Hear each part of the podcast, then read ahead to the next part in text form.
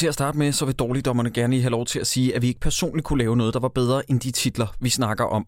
Det er pissesvært at lave kunst, og alle film er jo i grunden kunst. De film, vi snakker om i den her podcast, er bare virkelig, virkelig, virkelig dårlig kunst. Dalekdommeren. Dalekdommerne. Dårligdommerne. Darligdommerne. Dårligdommerne. Velkommen til endnu et afsnit af Dårligdommerne. Mit navn er Jakob E. Hinsley, og over for mig der sidder to af mine bedste venner, nemlig Christoffer Cyburns Andersen Yay! og Sandy West. Woo! Og det er nemlig rigtigt, det tredje medlem af Dårligdommerne, det tredje faste medlem, skal jeg måske sige. Troels Møller kan ikke være her i dag, på grund af, at der er noget skidt i, øh, simpelthen i omløb. Jamen, det er jo nu, vi skal fortælle et eller andet om, at han har betændelse i forhuden eller sådan noget. Et Inden, han, på han vil lave sådan en jokes. Det vil han jo sige. Ja, det vil han nemlig. det vil han jo sige. Så Troels, du får ikke lov til at klippe det her ud, fordi det er noget, du selv ville sige, hvis der var en af os, der lå med et eller andet. Han Jeg har har hørt det. Jeg har ikke talt med Troels i meget, meget lang tid, men jeg har hørt, at han går rundt og har en ekstremt meget betændelse i forhuden. Og i øjenbrynene. Ja. Og jeg ved ikke, hvordan det er kommet op i øjenbrynene. Nej, og folk undrer sig, hvordan sidder det der? Men du ved det godt, Troels, and it's fucking disgusting. Uha. Nå, den her gang, og det her, det bliver måske vores mest lyttede afsnit i hele verden, fordi det her det er en film, som der er mange, der har ønsket i tidens løb, lige siden den udkom for allerede snart fire år siden, nemlig Thomas Winterbergs Oscar-vinder. Og det lyder så sindssygt at sige, allerede her fire år efter, at filmen Druk vandt en Oscar Det, det i er starten sindssygt. af 2021. Jeg ved ikke, om I har lyst til at starte aftenen med lidt champagne? Det lyder dejligt. Øh, jeg er i bil. Jeg skal bare have en øh, dansk vand øh, uden citrus. Uden citrus, ja tak. Ja. ja. Hæft, det er godt det her. Øh, ja, det er sgu synd, du er så fornuftig. Men spørgsmålet er, hvad der i virkeligheden er fornuft. Der findes en, en norsk filosof. Han øh, mener, at mennesket er født med en halv promille for lidt. Altså, jeg må sige, jeg kunne da godt sådan bruge en halv promille sådan på daglig basis for at få lidt mere Det selvtillid. har vi da alle sammen brug for. Det har du da også brug for. Jeg synes, det er spændende. Det gør jeg også. Så det er det, vi gør. Afhandling. Daglig indtagelse af alkohol. Ja. Tilstræbt til konstant niveau på en halv promille. Med henblik på indsamling af evidens Ja. om psykologiske og psykoretoriske følgevirkninger samt undersøgelse af forøget social og faglig ydeevne. Det er kun i arbejdstiden, vi drikker, ikke? Men det er jo ligesom Hemingway. Vi drikker ikke efter 8 og ikke i weekend. Det er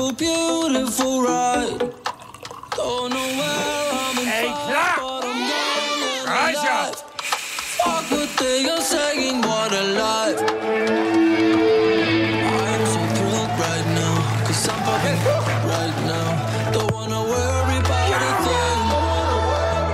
nok lang tid siden, jeg har haft det så godt, som jeg har det nu. Jeg tror bare, der er mere at hente det her. Og måske endda lidt højere op. Så vi skifter gear. Er I fuld? Nej, det er vi ikke. Og forklare for barnet, hvad som har hent. Jeg blev lidt fuld i går. Jeg har hele tiden synes, det var fint, at I eksperimenterede alt muligt, men det her, det er over grænsen. Jeg går ikke ud fra, at der er nogen her, der har et problem, jeg skal vide noget om.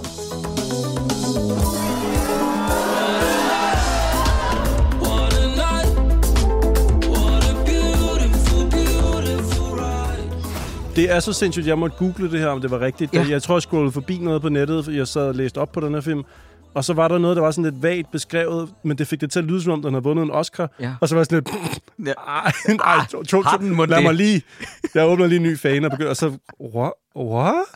What? Altså, jeg, jeg, jeg, kunne, jeg kunne sagtens huske, at den havde vundet en Oscar, Ja. ja. fordi Vi skrev så meget, Sandy. vi skrev rigtig meget sammen øh, om det. Og plus, jeg, vi skrev nemlig rigtig meget om det med danske kulturjournalister, Ja. ja. som jo seriøst bukakkede ud over det hele. Det var- det det var var jo ikke, jeg kunne næsten ikke, det var forfærdeligt. Sandy, der var jo altså ingen kritisk distance Nej. til Thomas Winterberg. Der var jo ingen kritiske spørgsmål vedrørende den film. Alle spørgsmål var sådan her, hvordan føles det at holde en Oscar-tale? Ja, men Sandy, jeg tror der, hvor man kunne se sådan et røgslør dukke op ved Dronning Louises broområdet i København, fordi jeg selv antændte af raseri, det var da politikken og DRDK skrev en artikel om, nu er Thomas Winterberg landet i lufthavnen med Oscar'en i god behold. Ej, hvor jeg har det sådan, nu, nu stopper I. Ej, det altså godt. det her, det kan jeg simpelthen ikke. Nej. Nå, men, men lytter, det er rigtigt. Druk vandt i starten af 21, vandt den Oscar'en for bedste udenlandske film. Thomas Winterberg modtog den. Filmen, og det, det vilde er, må jeg gerne lige sige, det eneste, jeg godt kan lide Druk for her fra start, det er, at Druk udkommer jo i coronas øh, øh, øh, højdepunkt, altså biograferne er lukket ned og det ene og det andet, så kan biograferne åbne igen, og det er takket være nærmest på egen hånd Mads Mikkelsens to film i det forløb. Det er Retfærdighedens Rytter og Druk, der gør, at folk strømmer i biografen. Ja, to gode... fi- øh, nej, undskyld. Hvad kommer jeg til at sige? To film. to film. Jeg, To kan ikke, film. jeg kan ikke udstå nogen af dem. Og du ved, lige så meget jeg hader både druk og ret- retfærdighedens rytter, lige så meget applauderer jeg, at de var med til at redde, du ved, mange danske biografer. Ja, fordi ja. at det var jo... Hold kæft, det var mange mennesker, de slæbte ja. i biografen, ikke? Ja, for pokker. Men lige siden den udkom, og, og Sideburns, jeg overhørte dig sige noget, da du ankom, og jeg synes næsten, du skal få lov til at sige det. Fordi, og nu lægger jeg den bare op til dig, Bolden. Ja. Det, som jeg kommer til at forvente, at vi, vi modtager med det her afsnit, det er sådan noget med, ej, så tager I rigtig noget, hvor I kan være sådan nogle edgelords. Men det her, det har ikke noget at gøre om at være på tværs. Nej.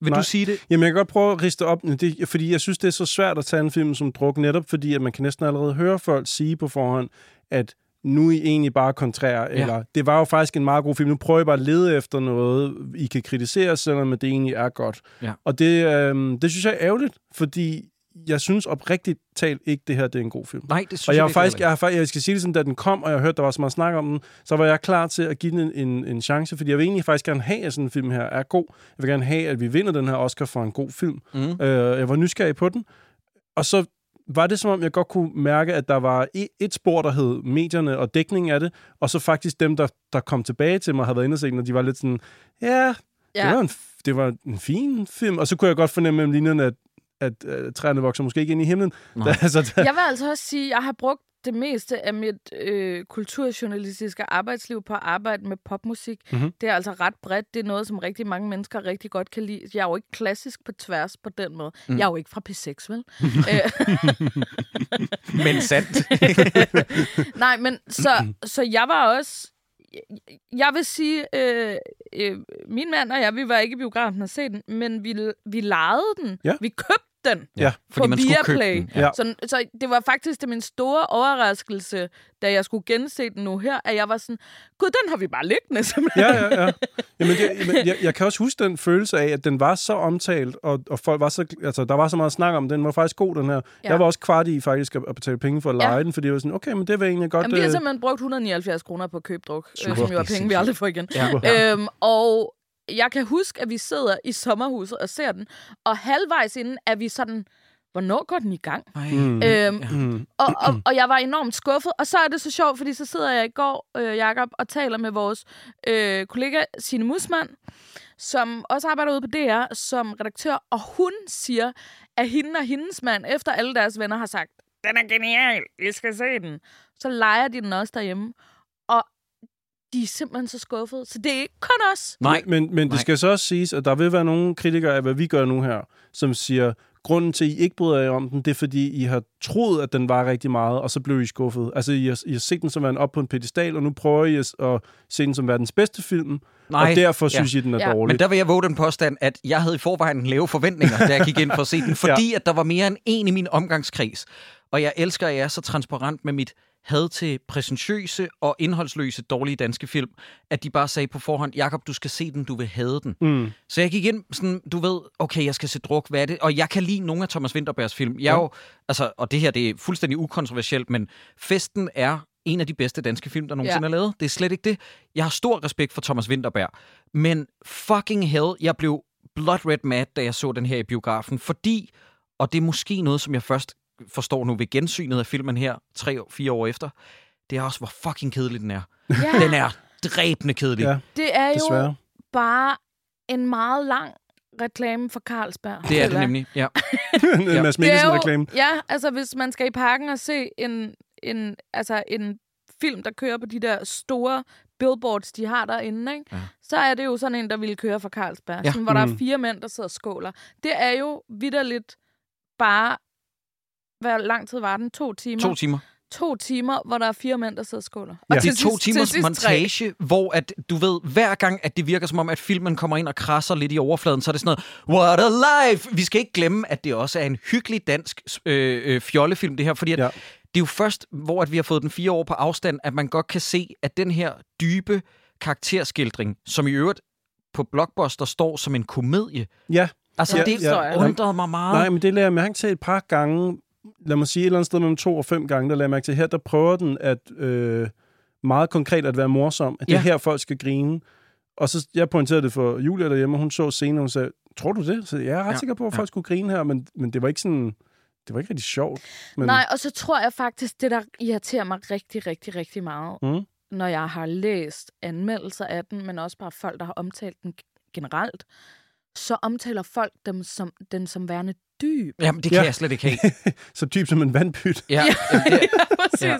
Det, forstår, det forstår jeg simpelthen ikke. Jamen, prøv at tænke Øh, på Fordi alle det de er mennesker. Jo, det er jo lommefilosofi. Det er jo, øh, lev mens du gør det, elsk mens du tør det. Mm.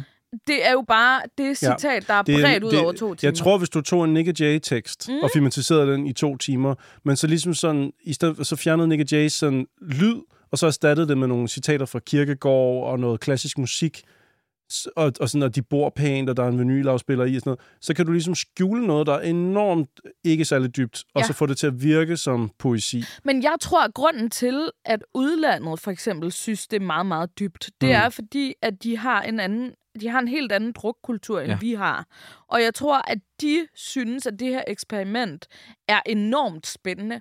Og jeg tror, for os andre, der tænker vi bare, det er jo vidderligt bare torsdag, fredag, lørdag ned på, på psykopaten Du skal bare gå en tur i København, så det der hverdag, du skal være til en familiefest, Ja. så det der hverdag. Mm. Altså, vi har en akut skadestue inde på Rådhuspladsen øh, til nytår. Ja. Kan, har I ikke set den der kæmpe store lastbil, som regionen stiller til rådighed, mm. Er det hvor for- der er oprettet en sådan mobil skadestue til nytår, fordi der er så mange, der er fulde? Det Fordi vi er sindssygt. nogle fucking botnakker. Men jeg- jeg, har skrevet her, undskyld, jeg vil Nej, bare er lige sige, at jeg har skrevet her indledende bemærkninger. Druk er egentlig bare klassefesten for folk med abonnement på Ego-magasinet.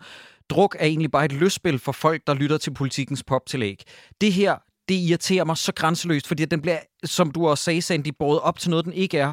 Og det, som der irriterer mig endnu mere med filmen, og jeg er, altså, lytter, jeg hader den her with a passion, det skal I bare vide, det er, folk har altid med druk i, altid, det, det er fire år siden, den udkom, men altid med druk kunne tage det ledige standpunkt, når man kritiserede den. Mm. Fordi at så har folk været sådan noget, men det er jo ikke det, den handler om. Og så har jeg spurgt ind til, hvad er det, den handler om? Og så siger folk, men det er jo en antidrukfilm. Nej, nej, nej. Nej, Det er det, det er der overhovedet ikke. Fordi at, du ved, lidt ligesom det problem, jeg har med, øh, hvis vi snakker om ting, der er reklamer for ting. Ikke? Wolf of Wall Street var jo en 3,5 time lang reklame for kokain. Den her er en to timer lang reklame for Smirnoff Vodka. Ikke? Og, og der var folk også sådan, hvad er det, du ikke forstår ved, at Wolf of Wall Street er en skadelig film? Fordi at dumme mennesker går ud fra Wolf of Wall Street efter at have set den og siger, jeg vil gerne være Jordan Belfort. Mm-hmm. Og det er netop det, som den her film Wolf of Wall Street ikke skal kunne, mm. men det er det samme med druk. Der er folk gået ud af biografen og sagt, fuck, jeg har lyst Ja. til en guldbejer. Mm. Det er netop, hvad, altså, så filmens ansvar, som Thomas Winterberg, og jeg synes, han har, formår han slet ikke at løfte. Ja, jeg har læst sjovt. flere amerikanske anmeldere, der skrev sådan noget, God damn it, I need a drink, efter at have set den her film. Så al moralen, hvis man kan kalde det det, er ikke med i den her film, eller den er ikke forståelig for folk.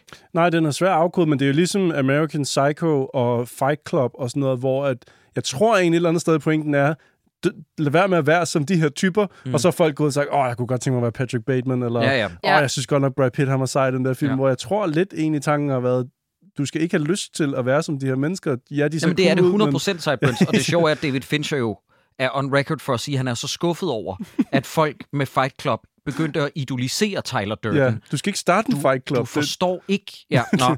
Nå, Men det er jo, jeg skrev til dig, Hensley, at øh, jeg havde det, da jeg så den her film igen, der tænkte, halvvejs inden skrev jeg til dig, og skrev, det er jo bare en frygtelig kvinde med druk. Ja, det er det. Det er det. Ja.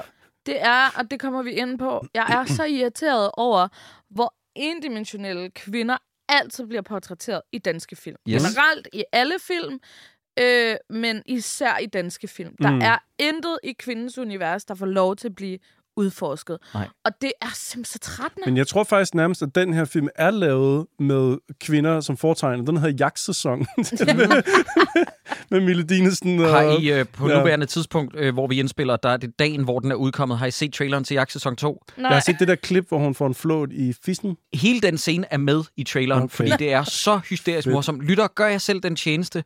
Når det her afsnit er færdigt, så find på YouTube traileren til Jagt sæson 2, og bare nyd, hvor film i Danmark er på vej hen anno 2024. Er de virkelig kun på toeren? Jeg troede først, de var på træerne. Nej, nej, nej, det er toeren. Oh, oh, det har jo taget lang tid at skrive det manus med en Ah. flot, der skulle op i fissen. Ja, klart. Ja, ja, så det er super grineren. Men præmissen er, hvis vi bare lige skal riste den op fra start, fire fuldvoksne mænd, der prøver et forsøg af et eksperiment, som de kalder det, om en konstant promille og have det i blodet, om det må er en dårlig idé. Mm. Hvor jeg har det sådan, Thomas Winterberg, du behøver egentlig ikke lave en film om det, for jeg kan godt fortælle dig, uden at have set filmen, det Mm. er en dårlig idé. Ja, ja. Og i øh, indspillende stund er det heller ikke længe siden, at medierne i Danmark øh, var helt oppe i det røde felt, fordi hvor våger vi at lave en så god film, som drukker vinde en Oscar for den, og hvor våger Chris Rock så at remake den? Er det Chris Rock, der skal Det er remake kommet den? frem, at øh, Leonardo DiCaprios øh, produktionsselskab har købt rettighederne, Ja, ja. og Chris Rock skal være instruktør. Nå, det er sådan. Okay, for jeg kan Ja. godt huske, at øh, Dine, øh, DiCaprios firma købte den, men jeg vidste faktisk ikke, hvad der var blevet af den. Nej, så, så rettighederne er der stadig. De har fundet en instruktør nu. Lur mig, om det ikke bliver Leonardo DiCaprio, der skal spille Mads Mikkelsens rolle. Selvfølgelig gør det Jamen, det bliver det. Og der vil jeg bare sige, alle jer, der er vrede på forhånd, hvad er det, I er vrede over? Altså, du vil altid have din taberfilm druk, og for det andet, det kan jo være, at den rent faktisk ender op med at være sjov, den remake. Ja, fordi det er jo det, som den her ikke er. Hmm. Altså, hånden på hjertet, jeg griner ikke på noget tidspunkt. Nej, jeg heller ikke mig. Nej, men Nej. jeg kan godt se de st- steder, hvor at, øh, hobetal af danskere har siddet og grinet. Der er sådan nogle klasken på låret og replikker, man siger til hinanden bagefter, lidt eller blinkende lygter og Ja. sådan noget. Ja, jeg har skrevet øh, dem begge to ned. Jeg tror også, der er to. problemet Okay. er, at vi ikke er mænd over 45. Ja. Ja. Altså, det tror jeg også er vores problem, når Vi vi, skulle har have set... haft Troels med, for han er lige fyldt 40, så han havde måske kunne... Ja. Nå, men det tror jeg virkelig er vores problem, fordi jeg kunne godt se mange steder, hvor, hvor altså sådan, det er derfor, jeg hader at gå i byen, for eksempel, fordi jeg hader at møde den der type, fordi Mm. jeg altid føler mig mm, utilpas Mm.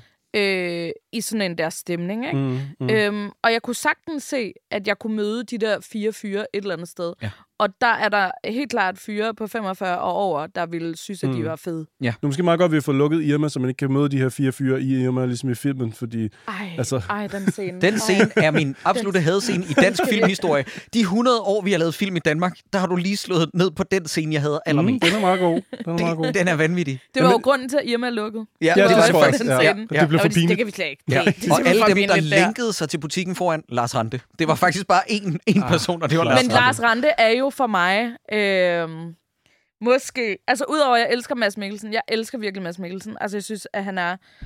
Jamen, han spiller øh, altid fantastisk. Så er Lars Rante jo, og jeg kan ikke forklare det. Men jeg synes jo, at han er en af Danmarks mest altså, sexede skuespillere. Lars Rante? Ja. Ja. Har du hørt det her, har, har vi haft den her snak før, Nej. eller er det bare mig, der, Det er dig, der... der Nej, mixer nogle ting sammen? Du synes, Lars Rante er Jeg, kan, jeg ved ikke, hvad det er. Mm. Men der er øh, noget, når Lars, Lars Rante er med i film, der er en uforklarlig tiltrækning, som Mhm. mm-hmm. jeg, altså jeg kan sim- jeg aner ikke, hvad det er. Jeg har virkelig siddet, jeg sad i dag og så de sidste tre kvarter af filmen, Ja. og, og sad og tænkte, hvad fanden, altså hvad er det der? Men, men det er simpelthen, det, det Han må er være den måde, han er på. Ja, han er meget karismatisk, synes jeg. Charmerende? Han er meget, meget charmerende. Så ved jeg, at han er gammel breaker. Ja. Det gør også et eller andet for mig. Okay. Ja, ja. Han er musiker han er også jo. Lars Rante på YouTube har jo en hel del videoer, hvor han snakker om guitar. Ja, han mm. spiller sygt godt guitar. Han er gammel breaker. Han elsker øh, old school hiphop. han laver fed musik. Øhm, Er katten glad? han Katten er bare, glad. Nej, det er godt. Godt at Han er høre. bare... Øh, jeg, ved, jeg, kan ikke, øh, jeg ved det ikke. Men når han sidder der, også helt glatbarberet, synes jeg bare, han er et ekstremt sexet menneske. Øh, Nå. også som øh, Anker Jørgensen, tommelfingeren op eller ned. det er en serie. Jamen, det er, fordi jeg synes, Anker Jørgensen fra starten af var et enormt sexet Nå, menneske. okay. Nå, det hjælper så lidt på det. Nej, men jeg, jeg kan godt se, hvad du mener. Han er, han er meget... Øh, han er meget altså, han er dejlig lun på en eller anden måde. Han, er, han virker ja. Ja. meget rar. Man har lyst til sådan at bruge tid med ham. Ja, det er måske Men jeg det. tror, i og med, at vi har lavet det så lang tid, det her, at vi, øh, vi har fået en overdosis. Fordi vi, vi Lars leder efterhånden efter danske film uden Lars Rante. Det, og det kan ikke lade sig gøre. Ved I, hvem Nej, der er med i jagtsæson, øh, jagtsæson 2? Lars Rante. Ja, selvfølgelig. selvfølgelig er han det. Du kan ikke dreje to gange under kassen sten, uden at ramme en dansk film med Lars Rante. Jamen, det er så skørt. Ja. Jamen, det, det er helt vildt. Men, men jeg elsker dig, Sandy, for at break den her nyhed. Og vi får det her scoop i dårligdommerne. Fordi det er ikke så længe siden, jeg lavede et afsnit af Hakkedrengene, hvor Natasha Brock afslørede, at hun fandt skurken i Robocop, spillet af Kurtwood Smith, faren i That 70 Show. Ja. Ufatteligt tiltrækkende. Hvad, men måske var det hende, der nævnte Ja, Lars tror, det var Rante. det. Men jeg vil jo sige, jeg kan jo fortælle, at Camilla Jane Lee ude fra øh, P6, Ja. Hun synes jo, at Bjarne Ries er en meget, meget sexet mand. Ja. Også Jeg den dag i elsker- dag, eller Ja. tæller vi Bjarne Ries, dengang Nej, han nej, nej, vandt? nej, det er for evigt. Alle dage. Altså, Ja. på alle måder, Volbeat for evigt-agtigt. For Ja, evigt. måske for evigt, ja. Det er vildt nok. Har I set det billede, hvor at Bjarne Ries sidder foran dårligdommerne-plakaten inde backstage på, på Bremen? Nej, Det er et øh, What the fuck findes det her billede? øjeblik. Hvis I bare snakker videre, så, Ja, så det finder vil jeg jeg lige frem gerne her. have. To Ja, sekunder. tak. Okay, så starter vi fra starten øh, med den her film. Lad os komme i gang med den for en ende af. Og ved I, hvordan lytter? Og her kommer der et lille tip, som I kan tage med jer videre ud i livet. Ved I, hvordan man kan kende, at en filmskaber har lavet noget skrald, men gerne vil få det til at fremstå som kunst, så starter man selvfølgelig ud med et præsentøst kirkegårdscitat, Mhm. mm-hmm. så hele ekosegmentet og Kødbyen Stifttidende segmentet kan komme til at elske den fra start. Der står nemlig i starten af den her film. Det er ikke oplæst, der står bare sort på hvidt. Eller det er faktisk hvidt på sort, undskyld. Hvad er ungdom? En drøm. Hvad er kærlighed? Drømmens indhold. Citat Søren Kierkegaard. Fuck af, Jacob Ehenschli. Det her, det er så infuriating en måde at starte en film på. Hvad for noget, hvad synes du, at det bliver hængt op på, det her citat, i forhold til filmens indhold, Sandy? Hvad bruger vi det her til?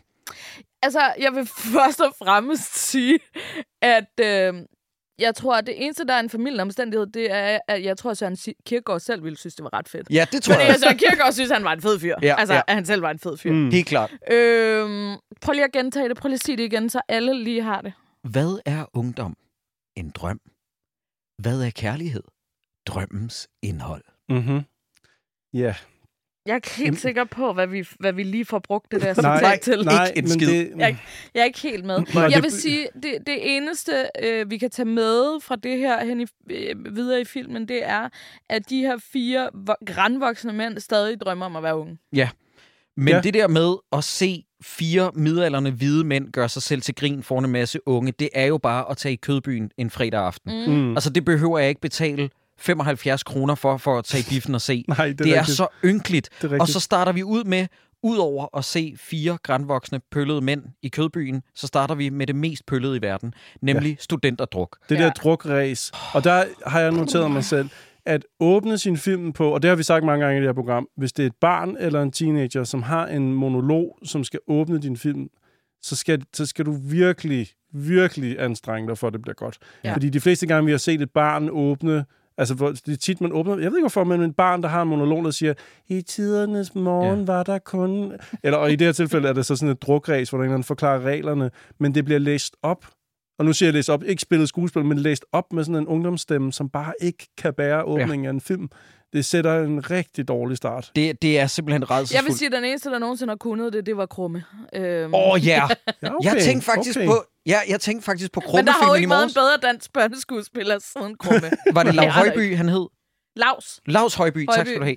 Han var fantastisk. Ja, det var han virkelig. Jeg så det- ham i DR-byen den anden dag, og jeg blev honest to God starstruck. Det gør man. Jeg bliver starstruck over to mennesker i det her land. Ikke? Ja. Thomas Helmi og Krumme. Ej, hvor er det rigtigt, ja. Jeg blev det- dog ikke med Thomas Helmi. øh, den anden, jeg er blevet starstruck over i nyere tid, det var Jakob Oftebro. Men vil du er blive starstruck, hvis du så et billede Nå ja, øh, jeg skal her lige se det med, her billede. med dårl- klar. dårligdommerne-plakaten? det. Nej, hvor er det sindssygt. Okay, det har jeg, det har jeg slet ikke. ja, sindssygt Det har billede. et billede. Vi har simpelthen et billede her af Rolf Sørensen, Bjarne Ries og en anden skøn ældre mand med briller, der sidder foran en dårligdommerne plakat. Det er backstage på Bremen. Ja. Ja. Sideburns, vil du ikke love mig, at du sender det der Jo, billede jeg til sender mig det med det samme. De, jeg spiller, sender det med det de samme. spiser en form for thai takeaway, kan jeg se. De har, de har bestilt rigeligt med mad. Nå, men jeg tænker, at, jeg tænker, at de har set, at plakaten hænger der. Så de sagde, gutter, vi bestiller thai, vi skal sidde her, vi skal lige nyde det her øjeblik, og så har de fået taget et billede foran dårligdommerne plakaten. Det må være fans. Ja. Nå, undskyld, men han siger omkring stru- øh, studenterdruk-reglerne, at det er vist nok en form for øh, ølbowling, og jeg skal komme efter dig, og der bliver blandt andet sagt, hvis I brækker jer synkron, så bliver der trukket et minuspoint. Nej, et minut for jeres samlede tid. Og det skal åbenbart vise sig at være godt. Vi, det er ikke fordi, at jeg vil have en længere svada omkring jeres translokation, men jeg kunne ikke vente til den var overstået, den del. Og køre rundt og brække sig i fremmede menneskers hus, det er det mest ynkelige i verden. Det sjove er, og nu får I lige den kedeligste historie i verden, venner, men da jeg snakkede med min far om det her, da jeg var på translokation, og jeg snakkede om, hvor meget jeg havde det der drukræs, og ja. At folk kastede op og sådan noget. Han var sådan helt lamslået, fordi han er vokset op i Åben Rå. Og du ved, da han blev student, der var det jo et svaghedstegn. Og det var jo pinligt at rende rundt og brække sig, fordi så kunne man ikke holde på en brændert. Ja. Og du ved, og så drak man for, for meget, ikke? Mm. Men jeg føler virkelig, at omkring årtusindskiftet, vi er nogenlunde samme generation, du og jeg. Mm. Øh, øh, Sandy, øh, Christoffer, du er født samme dag som 9-11, så du er Mm, en del ja. yngre end os.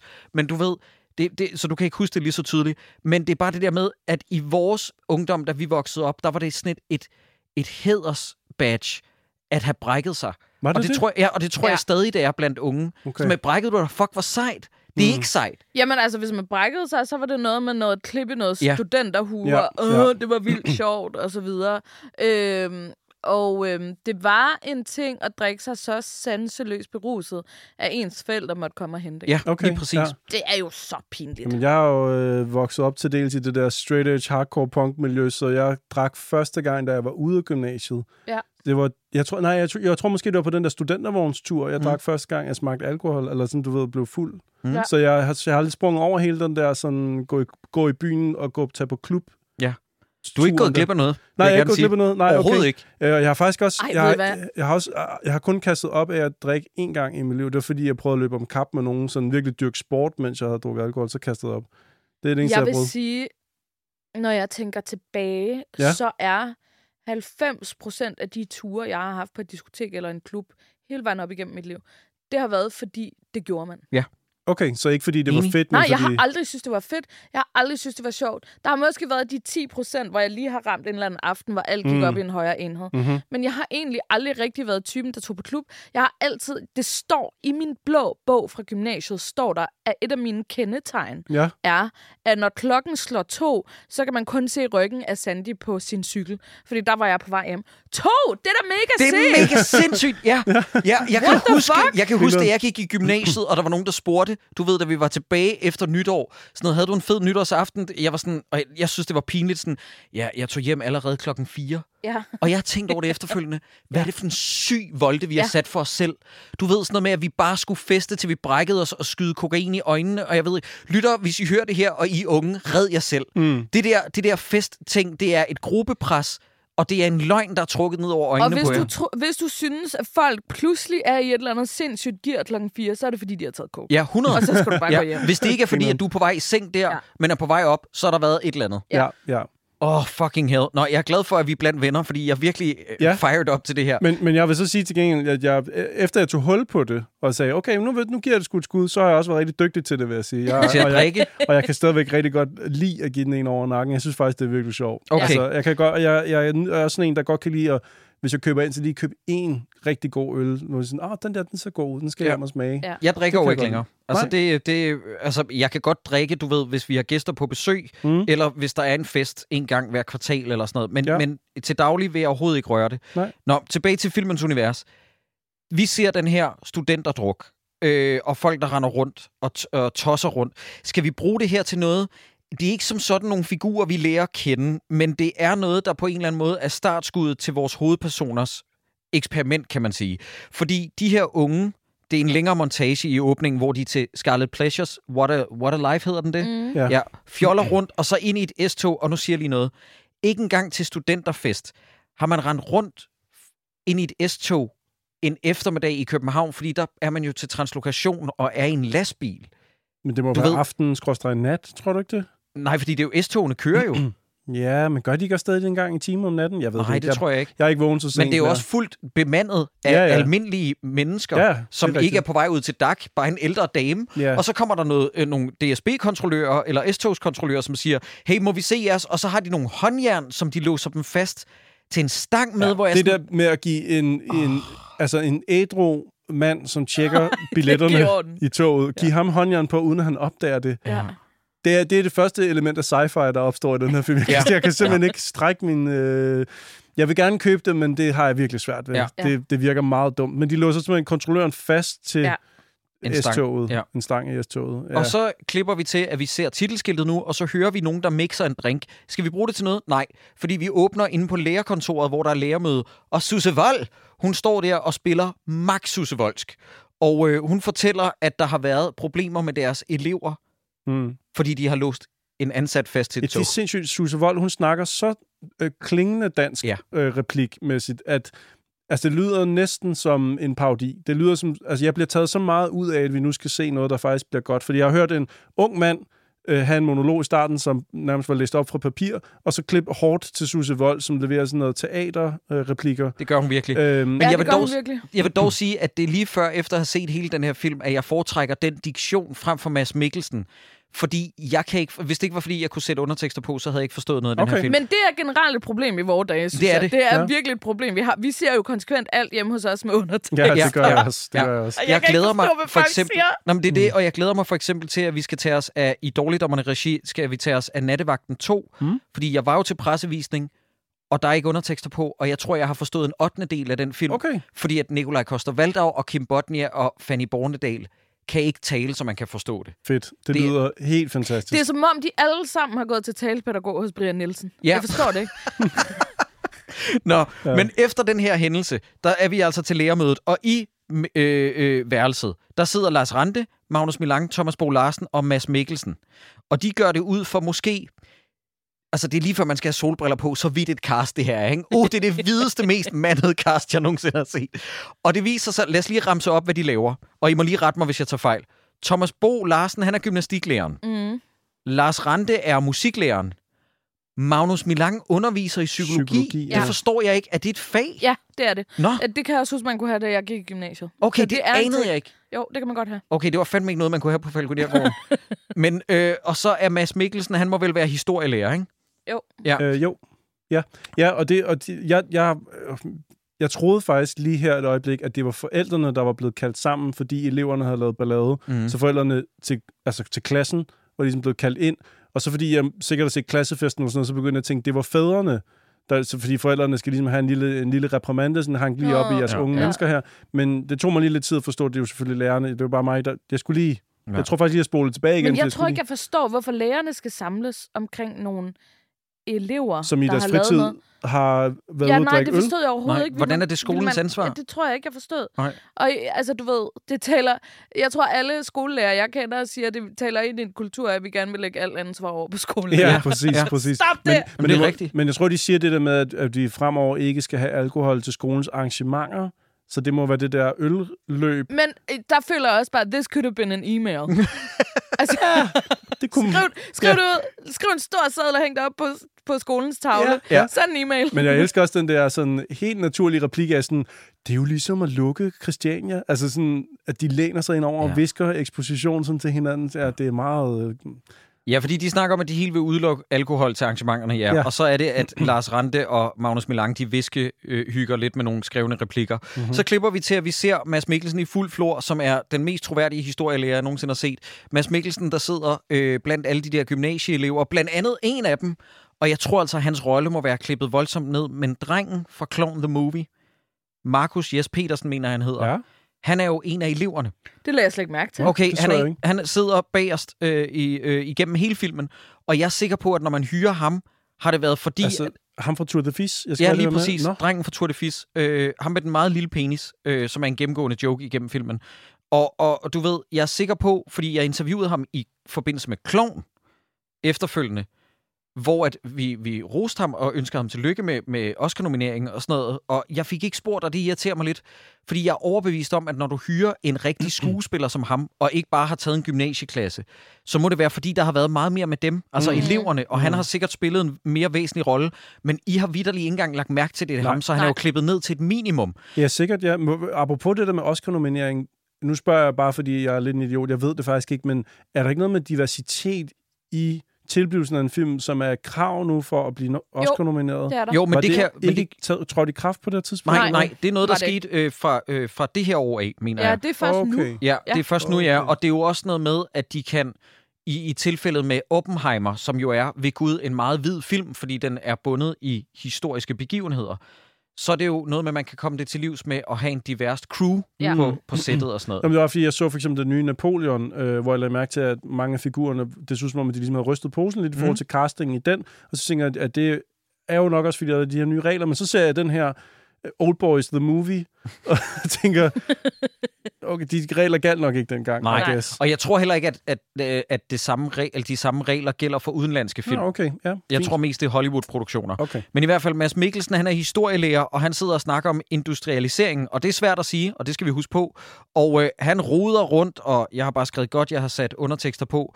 Og så kommer udover at du sagde, at det mest utroværdige i verden er, at der er en, der sætter en DSB-ansat i håndjern.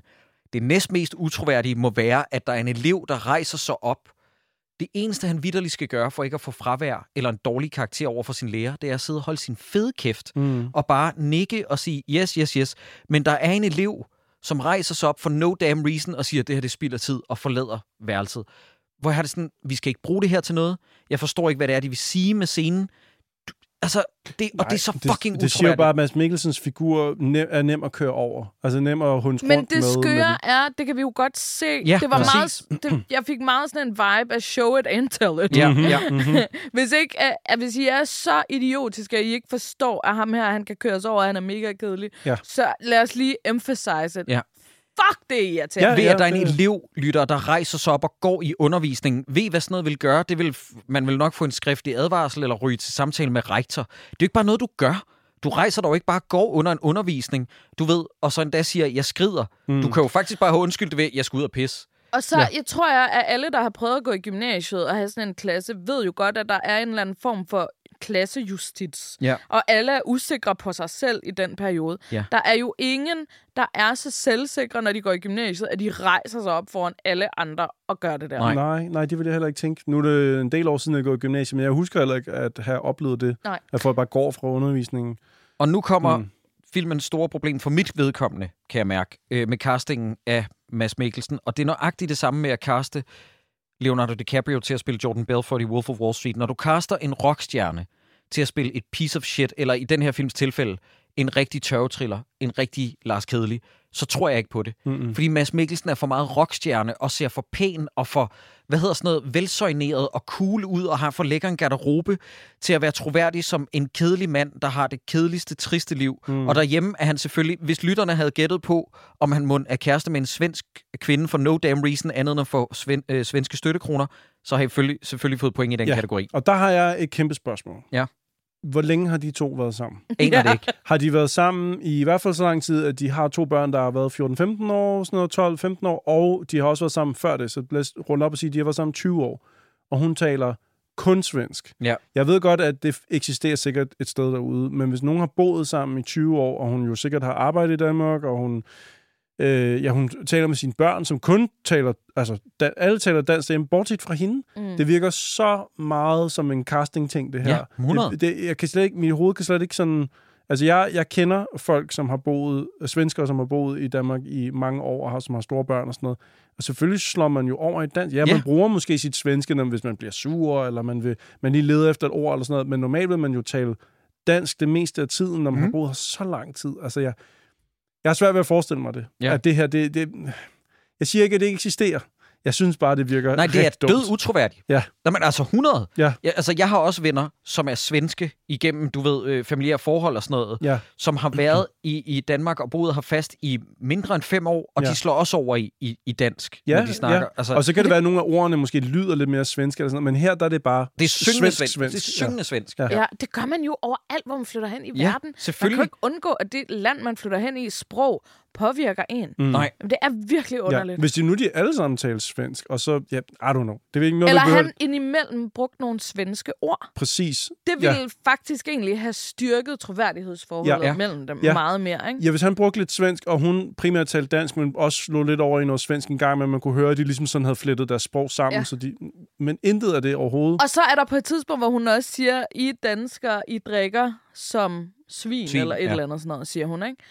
Hvor jeg bare tænkte sådan, men hvis du har boet her i så mange år, mm. Så er, nu lyder jeg meget dansk folkeparti, mm. men så er du da også så er du da også dansk. Altså, Ja, sådan, ja, jeg tror ikke, ja, jeg forstår det. Nej. Tænk at have boet i Danmark i 20 år, og så overhovedet ikke have tilegnet sig noget som helst sprog eller kultur. Nej. Det føler jeg er virkelig underligt. Jamen 100, ja. det er faktisk et virkelig godt spørgsmål, Sideburns. Det er, hvor længe har hun boet der? Mm. Hvad er deres forhold? Jamen, jeg, jeg snakkede lidt med Julia om det, fordi hun er af, af svensk, altså svensk familie og sådan noget, ikke? Så hun, jeg tænkte, okay, der kan jeg lige spørge lidt ind til, hvordan vil hun opleve det her? Hun siger, jamen er det ikke bare, fordi hun arbejder i Sverige til hverdag? Nej, det tror jeg ikke. Okay, Og så det, skulle vi også have bygget en historie på, med at hun pendlede til Malmø. Ja, dag. så hun, tager, hun har natarbejde i Malmø. Det virker, Ja, det virker jeg, lidt langt jeg ud. tror ikke, jeg tror bare, at filmen er ret dum på det her område. Jeg tror simpelthen ikke... Ja, skal vi ikke bare holde fast i Jo, det? jo, jo. Og så er det, at øh, Mads Mikkelsen får dagen efter i, øh, i, i klasse, øh, lærerværelset, hedder det undskyld, en reprimande af Susse Vold, der siger, at hun lige skal snakke med ham, øh, fordi han har åbenbart nu et møde med forældrene og nogle af eleverne. Det her, det forstår jeg ikke. Det er kun nogle forældre og nogle elever, der er mødt op. Hmm. Men inde i hans klasseværelse, der sidder de alle sammen.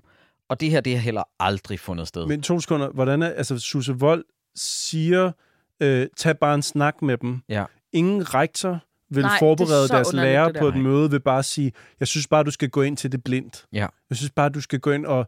Altså, ved ikke engang, hvem han skal snakke med, eller hvad de skal snakke om. Og det synes rektor, det er den bedste måde ligesom at, at lægge op til det her. Men Jeg undrer fortælle, mig så skal de? meget over, at der ikke er nogen andre repræsentanter fra den skole, Nej. ud over Mads Mikkelsen Ja, selv. han går Når bare det er ind. tydeligvis, hvad er det, hvad er det der skal ske der i Sideburns Jamen, det er jo fordi, at forældrene er utilfredse med, og eleverne er utilfredse med den undervisning, der er, fordi når eksamen så kommer, så risikerer eleverne at få et lavt snit, fordi at læreren ikke er engageret i undervisningen. Ja. Åbenlyst skal der være mere end bare læreren, der går ind til en snak med 10 forældre og elever. Åbenlyst skal rektor være med, eller andre lærere. Og vi får også eller... lige forklaret, at det jo handler om, at man skal bruge et højt snit for at komme ind på nogle af uddannelserne. Ja, det var altså, jeg der er så mange glad for. replikker, Ja. ja. hvor, jeg bare, hvor jeg bare sad og tænkte, sådan, vil- sådan vil man aldrig tale i virkeligheden. Nej. altså, man vil aldrig nogensinde... Nej. Det, fordi de, de får penslet det så meget ud, Hmm. at det er vigtigt, at de får gode karakterer, de skal ind på nogle uddannelser.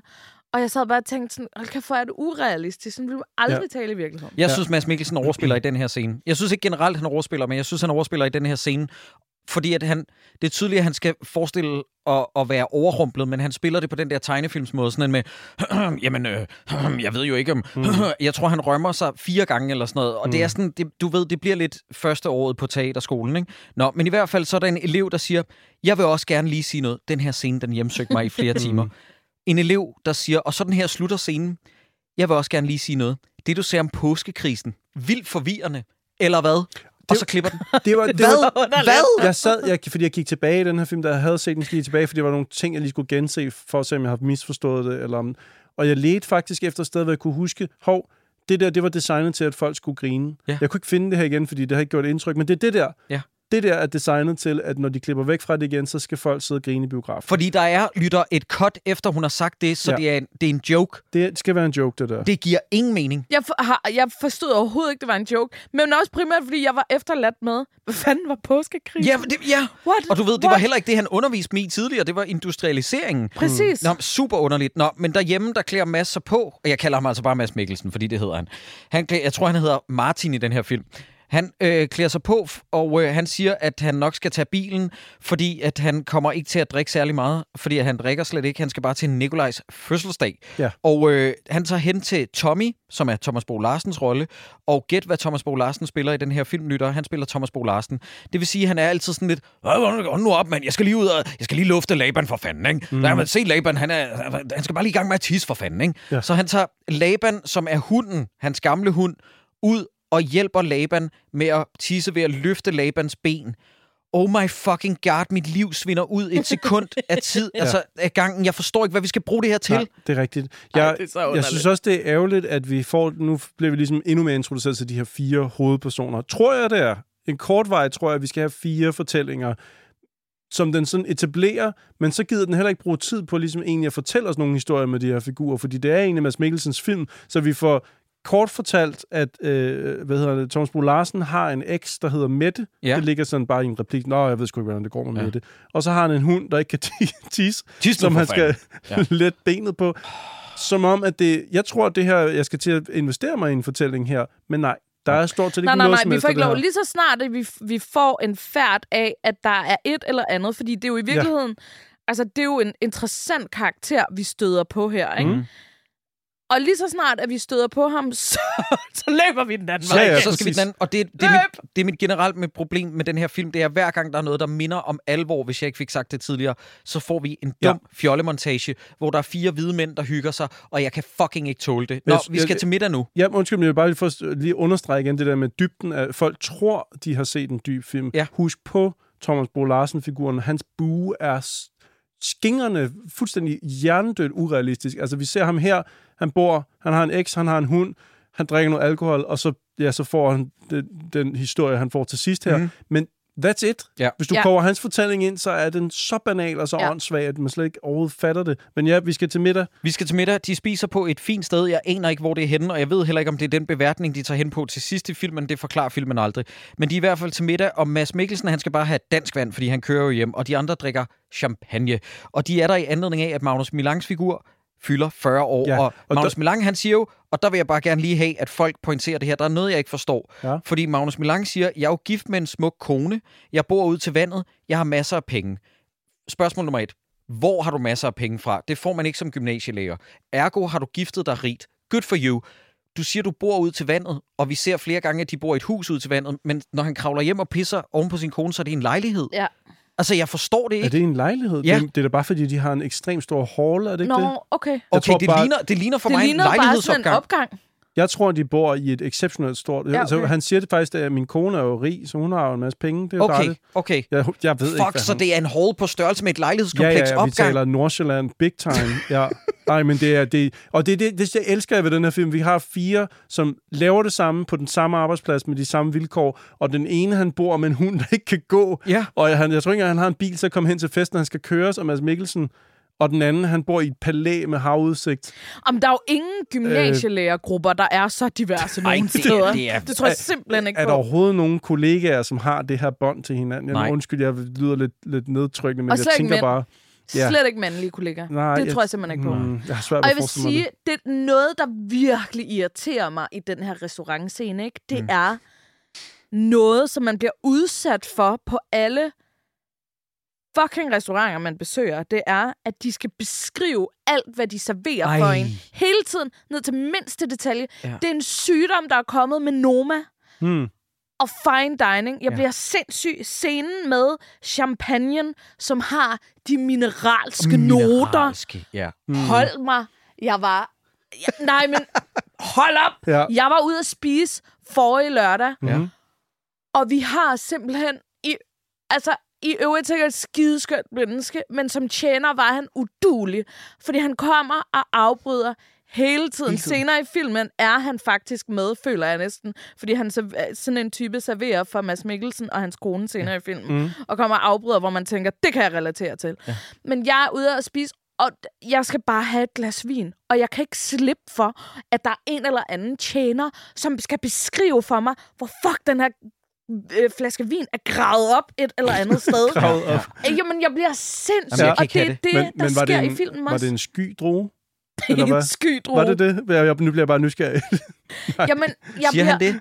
Nej, jeg laver bare pis. Det er bare fordi, at jeg, jeg synes også, det er irriterende. Øh, fordi jeg, ja, prøver... fordi min far har fortalt, det her det er den vildeste historie, Mm. om at de havde smagt en eller anden risling, og så havde de kommenteret den, og så havde tjeneren, der havde stået afventende, og så havde han sagt, men det er fordi, at Riesling er en lidt sky droge. Mm. Nå ja, han havde hældt op, og han havde sagt, tjeneren havde sagt, I skal lige vente lidt med at drikke, og så havde de spurgt, hvorfor? Fordi Riesling er en lidt sky droge. Ja. Og der havde, girl. min, der havde min far lyst til at fucking ja. flippe bordet i raseri. Ja. Ja. Jeg kan ikke have de her steder. Jeg skal nok lade være med at sige præcis, hvor det er, men der er et sted på Rensavsgade, der ved Gud er det værste sted, jeg nogensinde har spist. De kalder sig selv en bistro, og det er åbenbart latinsk for go fuck yourself. men jeg var inde og spise med min kæreste og hendes søster, og hun havde tømmermænd, og tjeneren satte sig ned, du ved, sådan og holdt bordet, eller armene op på bordet. Han mm. satte sig på hook, og havde armene op på bordet. Fedt. Allerede der, go fuck yourself, ikke? Dejligt. Og så siger, og så siger han sådan noget med, hvad er I så friske? Og så siger min kæreste søster, jeg har lidt tømmermænd, siger, siger han, jeg glemmer aldrig det her. Noob, så skal du bare have noget vodka. Og så hentede han noget vodka. Nej! Ej, What godt. the fuck? Ej, hvor er det godt. Det jeg kan jeg godt lide. hader sådan nogle mennesker Det og sådan noget godt lide. Nå, undskyld. Tilbage til den her film igen. Så sker der det, at de sidder og snakker om, hvordan det er at drikke, og så siger Magnus Milangs figur, at, og nu kommer hele præmissen for filmen, der findes en norsk psykiater, Finn Skovredit, som har en teori, at det er fornuftigt at drikke. Han mener nemlig, at mennesket er født med en halv promille for lidt. Det svarer til cirka to glas vin. Og ved I hvad? Jeg ved ikke, om I så det på min story, inden mm. vi skulle ind og indspille her. Nå, Men der er jo. den her sjove udvikling, som skete sidste år, med at ham, hvis statement hele den her film bygger på, mm. han har jo mistet sin autorisation ja. Som læge Det sidste så, år. Det så jeg, du skrev. Ja, Nå, men det var da bare sjov. Jamen, Og der vil jeg sige en ting, lytter. Brug det her som tommelfingerregel. Generelt med alt i livet. Også hvis der er en eller anden idiot, der siger, I ikke skal lade jer vaccinere, når en coronapandemi opstår. generelt kan man bruge den her tommelfingerregel med misinformation. Det er, og pseudovidenskab for den sags skyld, hvis der er tusind læger, der siger en ting, og en læge, der siger noget modsat, mm. så er det ikke den ene læge, der siger noget modsat, der har ret. Mm. Det er formentlig de tusind læger, der ja, siger det andet. Ja, så hvis, hvis en masse folk siger, ja, et glas rødvin kan sådan set være, i og for sig være fint nok for kroppen, det kan, det kan have noget påvirkning, men lad være med at svælge alkohol, for det er ikke godt for dig i længden. Hvis der så er en læge, der siger, Ja. ja, men hvad nu hvis? Ej. At vi legede med tanken om, at ja, så er det måske ikke ham, man skal lytte til. Ej, jeg fik virkelig Jørgen E-vibes, ikke? Ja. Ja. Altså, seriøst. Fuck, mand. Det navn har jeg ikke hørt i 10 år. Penislægen. Ja, hvor der var en, der prøvede at lave karaktermor på mig og sige, at jeg var i familie med ham, fordi jeg hedder E til mellemnavn. Ja. Wow. Men jeg kan ikke forstå, det er lidt ligesom Gremlins, hvor man siger, lad være med at fodre dem efter midnat. Hvornår er det så meget efter midnat, at det begynder at blive morgen? Hvornår definerer vi efter Ja. midnat? Og her kan jeg ikke helt forstå, Hvornår tager jeg man... ved ikke nok om promille i forhold til, det svarer til to glas vin Ja. i timen. I timen? I I, døgnet? Om dagen? Ja. Hver halve døgn? Ja. Jeg ved det faktisk ikke. Nej, jeg jeg har det ingen heller idé. Jeg tror heller ikke helt, de ved det. De drikker en helvedes masse i hvert fald. Jeg forstår aldrig rigtig helt, hvor meget Det er også bare for at sige til lytteren, at hele den her films præmis bygger på en løgn. Altså, du ved, det er jo en læge, som har fået fjernet sin lægebevilling, ikke? Mhm. Øh, nå, Men det, der jo også er så skørt, det er jo, når man kigger på de her fire mænd, ikke? de er meget forskellige af statur. De er meget, altså, så man kan jo ikke regne ud præcis, hvilken promille man får, hvornår. Eller det kan Nej. Nej. man sikkert godt, hvis man render rundt med sådan en promillometer hele tiden. Mm. Ja. Men det gør de jo ikke. Nej, jeg tror, jeg kunne forestille, nu har jeg bare lige øh, dårligdommerne her, som, som vi vil være, hvis vi skulle prøve, altså Troels og Jacob og jeg, hvis vi skulle hælde alkohol på os selv, og vi fik den samme mængde, det ville jo være i øst og vest, hvad resultatet ville jeg være. tror, Troels vil blive skidefuld som den første. Jeg har højst sandsynligt, Ja, at ja. der skal ikke så meget til at tippe ham over. Jeg ved ikke med dig, hvis vi gav dig 10 bajer, hvor du vil være. Jeg vil ikke kunne Jeg mærke har jo engang været ude at drikke med Christian Dejen. Ja? Øh, Ja, verdens højeste mand. verdens højeste Ja. mand. Han er 2 meter 10, ikke? Ja. Og jeg kan afsløre, at jeg kan ikke drikke lige så meget som Christian Det kan man ikke. Men han Jeg endte er- i hvert fald i en taxa med Ja, ja. okay. Og jeg havde, engang, jeg havde engang besøg af Sten Langeberg, verdens næsthøjeste mand. Ja. Og han sagde, det var som at komme ind og få serveret drinks af mig. Altså, du ved, bare noget at drikke. Det var som at være Gandalf, der møder op hos Frodo. Du ved sådan, det er jo et lille shotglas for ja. ham jo. Ja. Præcis. Og, altså, Nå, det er sjovt. Ja, det er rigtigt. Ja. Man kan ikke rigtig helt bare sådan sige, Nå, nu, nu drikker vi den her mængde alle sammen, og så får vi det resultat. Ja. Nej, det, det er faktisk rigtigt, ja. ja. Nå, men i hvert fald, de går efter at få en promille på 0,5. Det er det, de, jeg ved ikke, om vi skal... Nej, der er jo en mellemregning før. De Jeg vil også bare lige, øh, lige indskyde det her, at til gengæld noget, som filmen ikke fortæller særlig elegant, det er om, hvorvidt Mads Mikkelsen er tørlagt alkoholiker. Fordi vi får hele tiden det der med, jeg kører hjem, og nej, jeg skal ikke drikke, og han kigger på de der glas, hvor de andre bare tyller bajs. Men- Men, det er er bare, det fordi ikke bare, han- fordi han er kedelig? Jo, Han er det, bare fordi han, kedelig. han har spurgt sin kone, synes du, jeg er blevet kedelig? Og jeg tror egentlig, det er fordi bare, at han er glædet hen i en hverdag, hvor, der, hvor han ikke hvor der sig... ikke er druk. Men er det jo så ikke et problem, at den her film sætter lighedstegn mellem, at du er åbenbart røvkedelig som dansk mand, hvis du ikke er fuld? Jo, Og det er jo- men der har jo, for ikke så lang tid siden var der en alkoholreklame. Jeg tror, det var en ølreklame, som var sådan en reklame, der gik lidt på, at alle dine venner sidder nede på baren, Ja, og ja. du er typen, der bliver derhjemme. Ja. Så Den fik også hug, den kampagne. Ja, jeg, det det, det, den. jeg håber lidt, den Ja, gjorde, fordi da jeg så Jamen, den, det der tænkte jeg. Ja. jeg tænkte lidt sådan, det er en mærkelig måde at sige på, at du er udenfor, hvis ikke du tager ned og drikker Ja. nogle øl med dine venner. Det og det var netop det, den fik hug for. Det er det der med, hvis du sidder derhjemme og samler Lego, så er du en fucking taber, hvis du ikke er nede og økse stifter med øjnene med dine venner nede ja, på den lokale. Præcis, præcis. Ja, og den kampagne kan fucking sutte sig Men selv. det er lidt det, den siger her. Mads Mikkelsen begynder jo faktisk at græde, da han får Ja. noget alkohol, fordi han pludselig løsner lidt op, og så kan han mærke sine følelser. Ja. Det kunne være måske en mand, at, altså nu taler jeg til mand som dudes, få noget terapi i stedet for... Om alle har, været til, alle har været til fest med den type, ikke? Jo, der er jo. lige så snart, de får noget at drikke. Ja, Ja, så begynder jeg de at tænker, græde. jeg skal ikke have noget- type. Nej, det er en røvirriterende type. jeg ved ikke hvorfor, men jeg har altid været sådan en, som folk kom til, når de drak og, og Mm. begyndte at græde. Mm. Og det vil sige, der var så mange fester, hvor jeg altid blev reduceret til at være sådan en fucking terapeut. Åh, Gå nu væk! du har været en skulder, man, man kunne Ja, præcis. Je suis en skulder, mand. Ja, det har været uduligt. Øv. Ja. Nå, men i hvert fald, de, de får noget alkohol, og de bliver jo mere fulde, end de havde regnet med. Øh, De hygger sig Det rigtig meget. eskalerer også lige pludselig helt vildt meget. Ja, Ja, og, og, og i det hele taget, så viser Lars Rante sig... Jeg ved godt, du synes, han er sexernes stik, men, øh, men Lars Rante viser sig at være den her films mest irriterende figur, fordi mm. han gør det, man absolut ikke må gøre. Det er at prøve at chikanere og shame ens ven til at optræde for en. Det viser sig nemlig, og lytter, jeg ved ikke, har I set et interview nogensinde i Danmark, så kan jeg love jer for, at de er kommet ind på noget af det følgende. Hvis I i øvrigt, at øh, Nana Øland, hun øh, skulle have været balletdanser, hvis det ikke var for en skade. Vidste i øvrigt, at Lucas Graham er opvokset på Christiania. Vidste i øvrigt, at Mads Mikkelsen han har gået til jazzballet, før han blev skuespiller. Og den her film er bare straight out the gate. Vidste i øvrigt, at Mads Mikkelsen, eller jeg mener øh, figuren Martin, engang har gået til jazzballet. Mm. Skal vi bruge det til noget senere? Ja, det skal vi desværre. Mm. Og jeg mener desværre, for ja. det er så fucking cringe. Ja. Men så beder Lars Rante Mads Mikkelsen om at danse. Inden på den her restaurant. Og i stedet for, så stiller Lars Rante sig op og begynder at danse. Og det tredje mest urealistiske ved den her film, det er, at alle de andre, der spiser der, ikke synes, det er fucking irriterende. Åh, at ja. en fuld idiot stiller sig op og danser og tosser. Jeg kan love jer for, hvis jeg har siddet ved det de andre borde og betalt den pris. Det, virker som et ret dyrt sted. Ja, ja. Hvis der så var en eller anden Lars Rante-type, der begynder at danse jazzballet ved siden af mig, Ej, så jeg mand. kan love dig for, at jeg havde tænkt, det er lidt belastende, det der. Ja. Det er faktisk ret irriterende. Især, jeg vil sige, det er netop urealistisk, især fordi vi er i Danmark, venner. Ja. Altså, vi er jo generelt ret vredt folkefærd. Ja. Vi er ret sure. Vi vil helst ikke forstyrres, når vi bruger penge Nej, noget og vi skal fandme vise og fortælle folk, hvis de forstyrrer vores forsøg på at bruge penge. Ja, præcis, præcis. Ja. Ja. Og, og at bruge penge på at se den her film, og så blive forstyrret af de der irriterende... Altså, ja. jeg vil blive sur bare nu, når jeg skal tage metroen fra Engehave Plads og ind til Kongens Nytorv, så koster det 22 kroner. Hvis der er en, der begynder at danse der, så Ej, bliver jeg åh. også pisse Ja, så går jeg skal ikke amok. min Ja. metrotur. Det her, det er min ferie. Jeg har ikke står, for det jeg, her. jeg står 10 minutter i en metro. Shut the fuck up. Ja, det er rigtigt. Nå, men i hvert fald, så øh, får vi her at vide, at Mads Mikkelsen han har gået til dans, som han også gjorde i virkeligheden, og det skal vi bruge til noget senere. Og så er det, at vi klipper til dagen efter, hvor han sidder og venter i bilen, og øh, han går ud på toilettet, snakker kort med en elev, og sætter sig ud på et lokum og drikker Ja. i skoletiden. Ja, og der synes jeg måske, at filmen har lidt højt fart på. Den går meget fra... Synes du? Ja, men også bare, okay, jeg, vil også, jeg skal lige have indskudt noget her. I den måde, de snakker til hinanden på restauranten, den måde, at filmen har travlt med at få sat præmissen i søen, er så urealistisk i deres dialog, hvis man tænker bare lige to sekunder over det, at de sidder og snakker om, Nå, men du er også altid så fornuftig. Ja, apropos fornuft, her er det her norske forsøg, Ej. som vi jo kunne... Altså, det er, jeg kalder det hamfistet, Ja. fordi jeg ved aldrig helt, hvad man skal kalde det på dansk. Det er pølsefinger-film. Ja.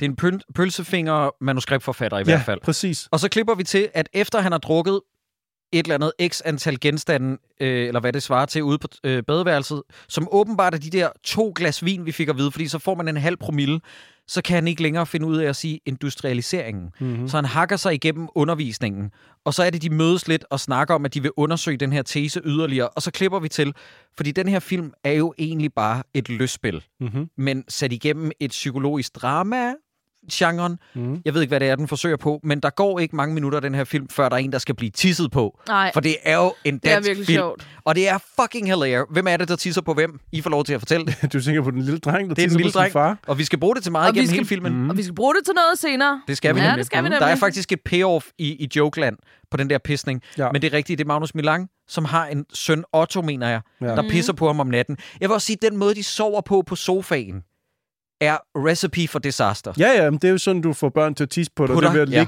dem oven på dig, sådan, så deres blære bliver trykket på. Ja. Og så... derudover, så vil jeg så også bare lige sige, at jeg, jeg blev også altså, irriteret, fordi så kommer hans kone, øh, Helene Neumann Ringgaard, og spørger, har du ikke fået ham til at tisse, inden I sov? Ja. Mm. Og så bliver han irriteret.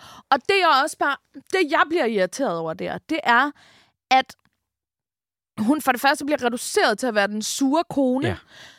Hvis man, hvis man ved, man har et barn, der skal tisse, inden de skal sove, så få det barn til at fucking tisse. Ja. Så man reducerer hende til at være sur, og man reducerer ham til at være den udulige mand, der ikke kan finde ud af at få sit barn til Ja. at tisse, inden Jamen, det, er de jo sover. stort, det er jo alle hendes replikker. Det er også, når hun uh. ringer til ham med bilen, så siger Ja. hun, jamen, vi skal jo have halm til hamsterburet, og vi mangler også oster, og vi mangler rugbrød. Hun er og... bare sådan en sur projektleder, Ja. ikke? Ja. Mm, Det må være... Jeg kan godt forstå, at hun er så sur, fordi han er så udulig hele Ja. tiden. Ja. ikke? Jamen det kan jeg også, men jeg, jeg undersøgt her, om Christian Taftrup havde været ghostwriter ja. på den her film. Fordi det er sådan, hvad er det, det lugter af? Ja. Er det en frygtelig kvinde? Åh, Ja, ja. det, er, det er lidt sådan, altså hun er den sure, og han er sådan en, ja skat, og så lægger han på, og så siger han, ej, skal vi ikke drikke nogle bajer, gutter?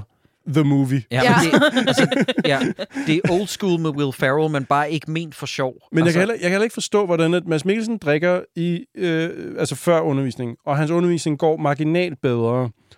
Ergo skal de alle sammen mødes og begynde at drikke en masse. Ja. Altså det er det hele, det er hele kick-off, og de er bare på. Det var sådan, når det virkede lidt for dig, hvor din undervisning haltede, nu går det lidt bedre. Vi andre havde det egentlig fint nok i vores undervisning, men vi skal også drikke, mens vi underviser. Forstår Ja. I, hvad jeg mener? Altså, det, jeg, jeg køber bare ikke rigtig... Og at de, øh, de er omkring 40 alle sammen, ikke? Mhm.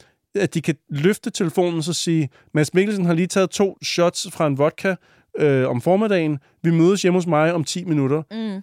Mænd i den alder kan ikke mødes om 10 minutter. De har ikke bare fri, øh, øh, hvad hedder sådan noget, øh, schedule prøv, sådan noget. prøv med om halvanden måned, så Ja, kan det være, ja. at de kan mødes på samme tid. Nej, og hvis de har, så er der måske også en grund til, at kvinderne er så sure hele tiden. Ja, det kan man de sige. bare bliver fucking efterladt i tid og utid, Jeg ved med mig så selv- mænd jeg- skal ud og drikke. Jeg ved med mig selv, nogle gange så tænker jeg sådan, for eksempel, hvis jeg lige kan se, der er en fri aften, det kunne Ja. være hyggeligt at mødes med, med, altså sætte et eller andet op, så kunne man se en film med nogen, men nogen ikke så lang tid. Så kigger jeg i min kalender, der er halvanden uge til, jeg ved godt, jeg kan ikke skrive til nogen, der kan være der om halvanden Nej. uge. Og så det kan ikke lade sig gøre. med pis på maven. Præcis. Sådan er og, det. og jeg er alene Ja. hjemme. Og du er faktisk og jeg alene hjemme. Og jeg det er råber, Otto, for helvede. Ja. Nå, men så sker der det, at der udspiller sig to af de mest irriterende scener i filmen. Det er her, hvor der var en af mine venner, der skrev i indbakken, at det var her, da den her scene indtraf, at hun slukkede for filmen. Nu kunne hun ikke mere. Okay. Det er scenen, hvor han laver Hitler-tricket. Som jeg kunne se Åh. første gang, jeg var inde og se den i biffen. Og det er ikke, fordi jeg er særlig begavet, men den ting kunne jeg se coming a mile away. Er det ikke hele filmen, man kan se komme Jo, jo, også det. Men du ved specifikt joken med, at han laver, du ved, et forsøg foran sine elever med, hvem af de her historiske Ja. personer, jeg ikke har afsløret navnet på, Ja. vil du helst hænge ud med? Vegetaren, som viser sig at være Hitler, eller de her to nederen mennesker, der ryger cigar og sådan noget, som viser sig at være Churchill og Roosevelt. Ja, ja, præcis. Det var så Ja, irriterende. Gennem hele den scene, der tænker jeg på, at nogen lige om lidt... Den, jeg tænkte, den næste replik bliver... Men, altså, fordi han spørger, hvem vil I vælge? Så det naturlige spørgsmål til det vil jo være, men hvad er deres standpunkt? Ja. Altså, han fortæller kun, hvad de bruger deres fritid på. Altså, de, den ene ryger cigar, den anden drikker, og, den, og er lidt syg og sådan noget. Og så er der en, der er vegetar og Mm. øh, spiser sund kost. Ja, hvem, hvem- vil du vælge til et valg? Så vil jeg nok sige, jamen, hvad er deres standpunkt? Ja, Altså, præcis. hvad, hvor, hvor er vi Ja, hvor politisk deres, henne? hvad er deres politiske overbevisning? Fordi Ja. det føler jeg, at det har lidt noget at gøre med det det, har spørgsmål, ret du meget stiller. at gøre med, når man tager et valg om, hvem der skal lede et land. Ja. så vælger man jo... Jeg tror bare, han siger, hvem vil du vælge? Mm. Ja. Jeg synes simpelthen, at spørgsmålet men det er en elendig skrevet scene. Ja. Næsten lige så slem som den næste scene, hvor vi ser Lars Rante undervise, mens han er beruset sine musikelever. Mm. Hvor de begynder at synge I Danmark er jeg født. Husk på det, fordi Ja. det kommer nu. Ja. Så når de begynder at synge kor, og det lyder faktisk okay for en gymnasieklasse at være. Hvis det lød bedre end det, så ville jeg også føle, det var utroværdigt. Og så siger han, nej, nej, nej, nej, nej. I lyder jo kraftedeme som en julefrokost i en svingerklub. Og der har jeg skrevet her. Hvem er det nu igen, Lars Rante, der synger I Danmark er jeg født som kor i en svingerklub til en julefrokost? Jamen, jeg tror det- ikke, at han mener skrig og skrål, er det ikke det, han prøver at referere Det er ikke det, til? han siger. Nej, og der men- er det, at jeg igen er sådan... Er det Rasmus Heide, der har været ghostwriter på den her film? Fordi det er så, det er så pølle centervagt Du skulle ikke tweake den her meget, for at det var en Rasmus Heide, Jamen, det man nemlig ikke. Blå Mænd og julefrokosten, og altså sådan noget, eller Alle for klasse, en, to, klassefesten, ja. og øh, ja, alle, alle for en. Du skulle ikke tweake den her meget, du skulle bare pille et par Søren Kierkegaard-referencer ud, og noget klassisk musik, så vil du have sådan en Ja. øh, passer-passer øh, gymnasieelever. Øh, Specielt fordi, at Thomas Bo Larsen, som vi ser nu, render rundt og kalder en af sine elever konsekvent for brille. Brille. Ja, Fucking Ej, det er, Christ. det, der, der havde det meget sådan... Det er meget 70'er socialrealistisk, det her. det er meget... Og det, der irriterer med, med Thomas Bo Larsen, det er netop, at hans øh, figur... Der er nul mulighed for, for udvikling Ja, i hans figur. præcis. Mhm. Det er hele tiden så bagudskuende. Han kalder ham der brille. Han taler brovdende. Han taler, ja, som du sagde tidligere, Jacob, han taler ligesom Thomas Bo Larsen gør. Han øh, går hele tiden i sådan nogle tracksuits. Han, vi skal virkelig fatte, at han er underklasse, mm-hmm. og at han ikke fatter, at vi lever i andre tider nu. Mm-hmm. Ja. Det er... Øh, det skriger til himlen. Mm. Ja. Hvorfor er det, Thomas Bo Larsen er med i det her eksperiment? Det tænkte jeg faktisk også. Og ved du, hvad jeg tænkte? Jeg tænkte, hvor er det, hvor er det egentlig sindssygt, at den, altså, du har en ven og en kollega, som i forvejen har problemer med at drikke, Mm-hmm. og så siger du til vedkommende, Ja. skal du ikke være med i et drukeksperiment? Ja, okay. Men så lad os tage jeg det har, nu. engang, nej, jeg har Ja. engang set, der findes sådan en legendary øh, journalist. Jeg tror, han, han er sådan en lokal journalist. Han har været på et af TV2-regionerne. Mm. Og så laver han sådan noget, der hedder Knud kom forbi. Har I set det nogensinde? Nej, Ja, ja. Nej, ja, ja. Og hvor han så han besøger jo på et tidspunkt en tørlagt alkoholiker, og han har jo altid sådan nogle sindssyge anslag, Knud kom forbi. Han kommer altid med. gående ind i Han skærmen. kommer altid Ja. gående ind i skærmen, og så er det for eksempel, at der på et tidspunkt en mand, der mangler et ben, så kommer han gående med mandens benprotese sådan, værsgo, Ja. nu har du fået ben Og på han det plejer, hele. altid, ja, han plejer altid at sige noget med, hvad kan jeg, skal jeg give dig en hjælpende sko eller en Ja, hånd? præcis. Ja. Og så kommer han helt seriøst på et tidspunkt ind til en tørlagt alkoholiker med to bajer og spørger, kan jeg byde på en bajer? Ej. Nej tak, ja. jeg er tørlagt. Eller, Det er- jeg What? ædru. Det er så sindssygt. Det var seriøst den vibe, jeg Ja. fik. Åh, Jeg glemmer Gud. aldrig den gang, hvor at, øh, øh, og ingen nævnt, ingen glemt, jeg kan faktisk ikke huske, hvem det er, vi behøver heller ikke nævne øh, øh, personens navn. Det var bare et, et udtryk for manglende empati og research. Julian Casablancas for The Strokes, tørlagt alkoholiker, er i studiet på P3. De laver en danskerquiz med ham. Han vinder en øloplukker. Ja. Venner, fucking do some Oh, research. God. Det er bare så fucking pinligt. Åh, Gud. Nå, men det er sådan, venner, har I læst et interview? Har I læst, du ved, noget om den det her er vildt person? nok. Nå, men jeg mener også bare, min pointe med Thomas Bo Larsen er også bare, at han er han er, hvad er det nu, man kalder det, når, hvis nu det var en actionfilm, så skal der være nogen med, eller en gyserfilm, der skal være nogen med, som kan, øh, som kan undværes. Hvad er det, casualty? Ja. Som dør. Ja. Som ikke har, som nærmest, øh, han, han er bare med for at kunne hænge ud med dem, for så at kunne blive sorteret Ja. fra igen. Ja.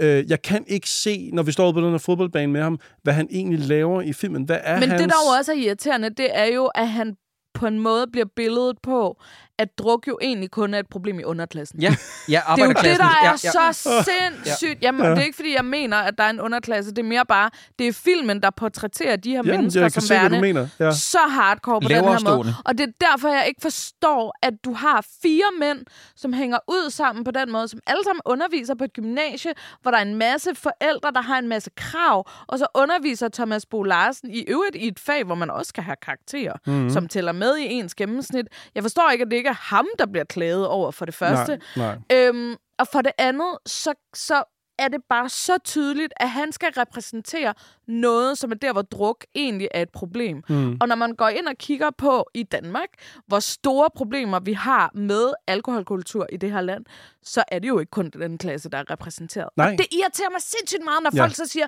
den er mega dyb, den her film. Hvor? Nej, ja, ja. Øh, øh, undersøgelser for vidderligt i dag, der er kommet frem, det er, at druk stadig er et stigende problem blandt unge. Ja. Der er ikke sket en fucking udvikling de sidste Nej, det 70 er rigtigt, år. men til gengæld læste jeg, jeg tror måske i samme undersøgelse, jeg også refererer til nu, at det er faldet øh, på landsplan mm. over altså de seneste fem år eller sådan noget, tror Ja, jeg. Nu ja. Omkring lidt ud af. 140.000 danskere er afhængige af alkohol, og 585.000 har et skadeligt alkoholforbrug. Det er også mange. Men, men lytter, prøv lige at tage det med jer. Bare lige, når I møder nogen, der skamroser den her film for at være så gennemtænkt og godt konstrueret. Hvorfor den her såkaldte vennegruppe i gåseøjne går med til et eksperiment, hvor en af dem er alkoholiker, og et eksperiment om, at de skal drikke sig for sans og samling. Det er vanvittigt, det her. Der er to scener, jeg gerne vil, vil blæse forbi, fordi det er røvkedeligt. Øh, om aftenen så er der dårlig stemning hjemme hos Mads. Altså, han snakker med Annika, hans svenske kone, og det er noget med efterårsferie, og det er lige så kedeligt, som det lyder. ja, og det, kanotur, something, something. Ja, ja. Og så ser vi, at Thomas Bo, han konfronteres af en mand i gymnastiksalen ude for depotet, fordi at den her ansatte har fundet en masse whisky stash mm. og ølflasker gemt rundt omkring i depotet. Og der er krisemøde blandt gruppen, fordi at det finder lægerne ud af på det her gymnasie. Og så snakker de om, at de vil, om de vil nedlægge projektet, men så siger, og hold nu fast, hvor er det godt skrevet det her, fordi Thomas Winterberg, dit fucking geni, hvordan får man Mads Mikkelsen ligesom til at forklare publikum, at han aldrig har haft det bedre med alt det, han drikker. Det er, at Mads Mikkelsen siger, jeg har aldrig haft det bedre med alt det, jeg drikker. mm. Hvor jeg bare var sådan, fucking Oscar-venner. Jamen, det er så Fuck, godt. det er godt skrevet. Det er så godt. Ja.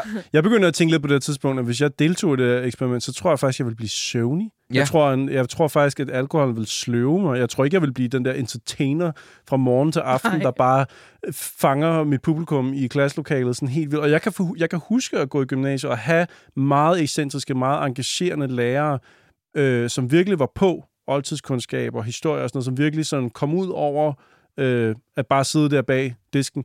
Men det gjorde altså ikke, at eleverne var mere engagerede. Nej, Man kan godt stå og råbe og skrige og have alle mulige sjove eksperimenter og sådan noget, men, men gymnasieelever, they don't give a fuck. Ja, Nej, og så vil jeg også gør- sige, bare for at understøtte dit argument, at jeg vidste godt selv, da jeg gik i gymnasiet, at hvis jeg drak to bajer, inden at klokken blev 16, så havde jeg lyst til at tage en lur. Det er det, jeg mener. Altså, du ved, det er ja. ikke noget, der virker, øh, i hvert fald ikke på mig, opkvikkende. Måske er det derfor, de drikker vodka og sådan noget. I don't know. men jeg tænkte så meget, da Mads Mikkelsen sagde den der sætning, så kunne jeg ikke lade være med at tænke på, at den her film har vundet en Oscar. Ja. Og jeg, og jeg, og jeg, jeg kunne ikke lade være med at tænke på, at jeg kan vide om The Academy Ja. simpelthen tror, at vi bare taler rigtig underligt i Danmark. Altså, Jamen, det er sådan, jeg- vi jeg- taler til hinanden. Jeg, jeg tænkte på et tidspunkt, jeg overgav mig til den tanke, da, mens jeg så den, at hvis jeg havde set den her film være produceret på spansk, eller produceret på fransk, eller måske endda også svensk, Ja. at så ville jeg købe den mere, fordi Ja. at jeg ville skulle læse underteksterne, og så vil jeg, lægge, så vil jeg selv lægge skuespillet i de her personer, jeg ikke kender. Ja. på Tænk, hvis amerikanerne eller, eller The Academy bare går rundt og tænker, at danskere, der, de- forstår ikke noget implicit. Ja, præcis. Alt bliver bare sagt. Men Ja. ja. måske er det netop fordi, at amerikanerne godt kan lide, at det hele bliver... De har brug for lidt... Der er mange film, hvor det bliver lidt udpenslet, når Ja. det er amerikansk. At de godt kan lide den her stil, og så føles den sådan lidt European, du ved. Men det er en interessant snak til en anden tid. Jeg vil bare lige kort sige, Sideburns, at en af de gange, hvor jeg har været øh, høfligt uenig, øh, og at min kommentar er blevet læst op i en af mine yndlingspodcasts, er en amerikansk anmelderpodcast, der hed Filmspotting, det var, at de havde skamrost Susanne Biers Hævnen, ah ja, klassisk eksempel, ja. In a Better World, Mm. som jeg slet ikke kunne holde ud. Og jeg var meget undrende over, at de snakkede om, hvor realistisk den fremstod. Og så skrev jeg bare til dem, og du ved, de tog kommentarerne op, og, og, og øh, øh, du ved, snakkede faktisk om det. Det der med, at at det virker som en barriere for mig, fordi at jeg taler dansk og mm. Taler flydende og forstår det, mm. Og det virker enormt utroværdigt på mig, men de er amerikanere, og for dem virker det bare som, du ved, autenticitet. Som, Præcis. ja. Lige præcis. Hvis nu jeg så et, et, et drama på japansk, hvor jeg skulle læse alle underteksten, jeg ville jo ikke vide, om de var mega kendte i Nej. Japan. Jeg ville ikke vide, om de spillede godt. Jeg vil bare få en idé om, at den her fortælling, den kan X, Y, Z. Og jeg tror, det er det, der foregår Ja. i udlandet, når man ser en film som Druk. For jeg kan godt se, hvis jeg squinter med øjnene og prøver at lade som om, den her film er fra Frankrig, så kan jeg godt se, okay, jamen det, jeg, jeg forstår, at, at der er nogen, der ser noget i den her. Men det er, hvis du ikke taler dansk, og hvis du ikke tænker for meget over det. God Altså- pointe. Jeg tror, at selv hvis den her hed, hed Le Dryk, mm. så, så tror jeg stadig, at jeg synes, den var røvkedelig, men ja. ja. ikke, at den var decideret dårlig. Mm. Øh, jeg tror... Nå, undskyld, vi bliver nødt til at hæve tempoet lidt. Mm. Øh, ligesom at Mads Mikkelsen, han vil hæve promillen i det her forsøg. Ja. Og øh, så får vi noget klavermusik i en klassisk sekvens, fordi at man skal lige få en påmindelse om, at den her film, det er faktisk kunst. Ja, det er, det er et prima eksempel på, at den prøver at skælne sig selv væk fra Rasmus Heide. Ja. Øh, den prøver ligesom at sige, ja ja, men vi har Ja. ja. klassisk klaver i den her film. Ja, og så ser vi et, et, et, et hvad hedder sådan noget, en montagesekvens med en masse arkivklip med politikere, der er fulde. det var så underligt. Der det døde forstod jeg. jeg slet ikke. Der døde jeg. Men jeg har det helt fint med, at film prøver at, at hive, altså prøve, prøve at bruge et greb, hvor de hiver noget. Jamen, jeg kan Ja, godt, hvis det jeg var kan et fast greb. Ja, hvis det var et fast greb. Ja. Det er det der med, øh, vi har nogle gange kritiseret det med for eksempel at have en fortæller øh, voice-over i starten af filmen, og så Ja. aldrig bruge det igen. Ja. Så øh, senere Jeg hen, så bare tænkt på Boris Jeltsin resten af filmen. Ja. Det var vildt underligt. Som jeg Det var generelt så tænker underligt. rigtig meget på. det var vildt underligt. Han ikke kom igen på noget tidspunkt. Men ja. prøv at forestille dig, hvis den her film havde brugt det som breaker mellem scener. Ja. Så havde det pludselig været et greb, der sådan stilistisk havde skabt en eller anden vibe af en art. Eller start med det. Ja. Gør et eller andet. Slut med det. Gør noget andet, end at det bare kommer midt i det hele. Ja, Gud, Sandy, prøv at tænke tilbage på en, en underlig problemfri tid, hvor at Boris Jeltsin, han var i ledelsen. Du Mega ved, gode er venner det- med hvor er Bill det- Clinton. Hvor er det sindssygt at tænke på, Ja. ja. at han var et green flag Ja. ja. sammenlignet med, hvad der sker nu. ja. Ja, det er ja, jamen, fuldstændig. Ja, Bill Clinton, der spiller saxofon, Ja, og ja. Så, ja, ja, det var en helt anden tid. Og, man var, og, og ja, det betyder ikke, at folk var bange for, hvad der skulle ske dengang, nej. Men, men når man ser det nu, så Men det var der jo ikke nogen, der var, fordi 90'erne var jo bare feel good. Ja. Alle havde Ja. det fedt, den kolde krig var overstået. Ja. Det er sindssygt. Nå, Ja. ja. øh, senere øh, bl- bliver på en eller anden måde en gentagelse af, hvad der er sket tidligere. Øh, Mads Mikkelsen går ind og underviser, og vi får en identisk scene til, hvad der skete tidligere. Øh, så leger filmen lidt døde på Eders Klub. Thomas Bo Larsen skriger noget mere af sine elever og får sagt brille, brille, brille. Og, og, og det er først her, jeg har skrevet mine noter, fordi det er først her, det er gået op for mig ved gensyn, at folk taler hvor lidt om, hvor kedelig den her film er. Den er rigtig kedelig. For det er gentagelse på gentagelse. Og Ja, så snakker... Altså, jeg har brug for at gå ud og tage en øl i køleskabet, bare for lige at, at få et afbræk. Jeg havde simpelthen glemt, hvor kedelig den er. Den er der er jo ikke ret meget fremdrift i den her film, og jeg Nej. tror i virkeligheden, så var der mange ting, der gik op for mig, da jeg så den anden gang. Da jeg så den første gang, der tror jeg bare, jeg var sådan lidt gobsmagt over, hvor skuffet jeg var. Ja. Hvor Ja. latterlig jeg synes, andre mennesker har været. var i deres vurdering. Ja, præcis. Jeg blev virkelig, virkelig, virkelig Jeg tror, der er to skuffet. ting, der gør, at den føles exceptionelt kedelig. Det er fordi, at præmissen er meget tynd og svær Ja. at købe, og så er den trukket ud over to timer. Ja. Og det andet er, at du kan, du kan forudse i hvert fald to scener frem konstant. Der er aldrig et tidspunkt, hvor den gør noget, du ikke havde regnet ud, vil ske lige om lidt. Ja. Og hvis du bare sidder og venter på, men nu skal vi også snart til den scene, der, som jeg godt ved kommer, så keder man sig. Jeg har det som om, at der er nogen, der gerne må fortælle instruktører i vore dage, at en film må gerne være halvanden time. Ja. Ja, tak. Altså, det behøver ikke at være to Ja, timer for at være en præcis. Er alvorlig der nogen, der film. gider sende er en mail som til Martin at- Scorsese? ja, det er lidt som Fucking hell. en sindssygt Mm. lang film. Ja. Altså, der er, no, der er nogen, der simpelthen gerne må begynde at fortælle, at bare fordi, at en film er halvanden time, så er den ikke dårlig. Det er ikke kun komedier, der skal Mm. være halvanden time. Altså, det er...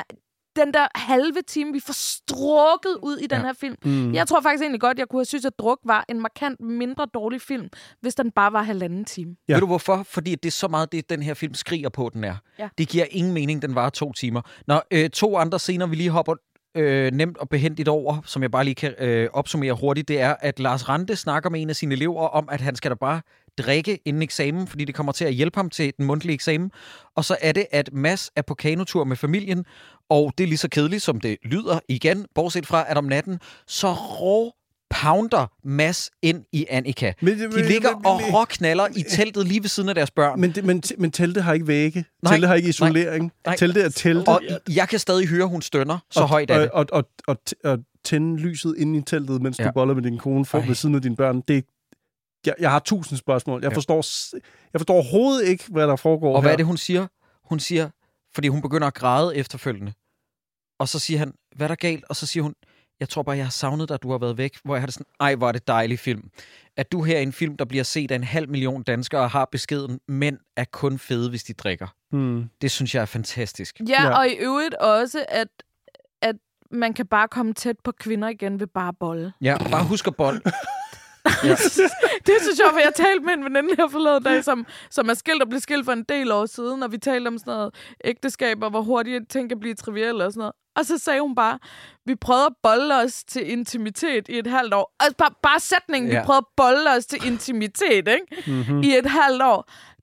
Turns out, det er ikke sådan, man redder et ægteskab. Mhm. okay, okay. Altså, fordi lige meget, hvor meget man boller, hvis man mentalt bare ikke er der. Og nå, men det er en lang snak. Men jeg kan bare ikke lade være med at tænke på det i den her scene, hvor jeg bare tænkte sådan, der er jo ingen af jer, der rigtig nyder det her. Nej, nej, jeg er enig, den er, den er ikke god. Hvilket i øvrigt, er det en ny t-shirt, Sideburns? Man kan ikke bolde sig til intimitet. Det synes jeg er Den, den, er, den er skarp. Den er Den skarp, ja. Der er et eller pude, vi skal have hjemme i sofaen.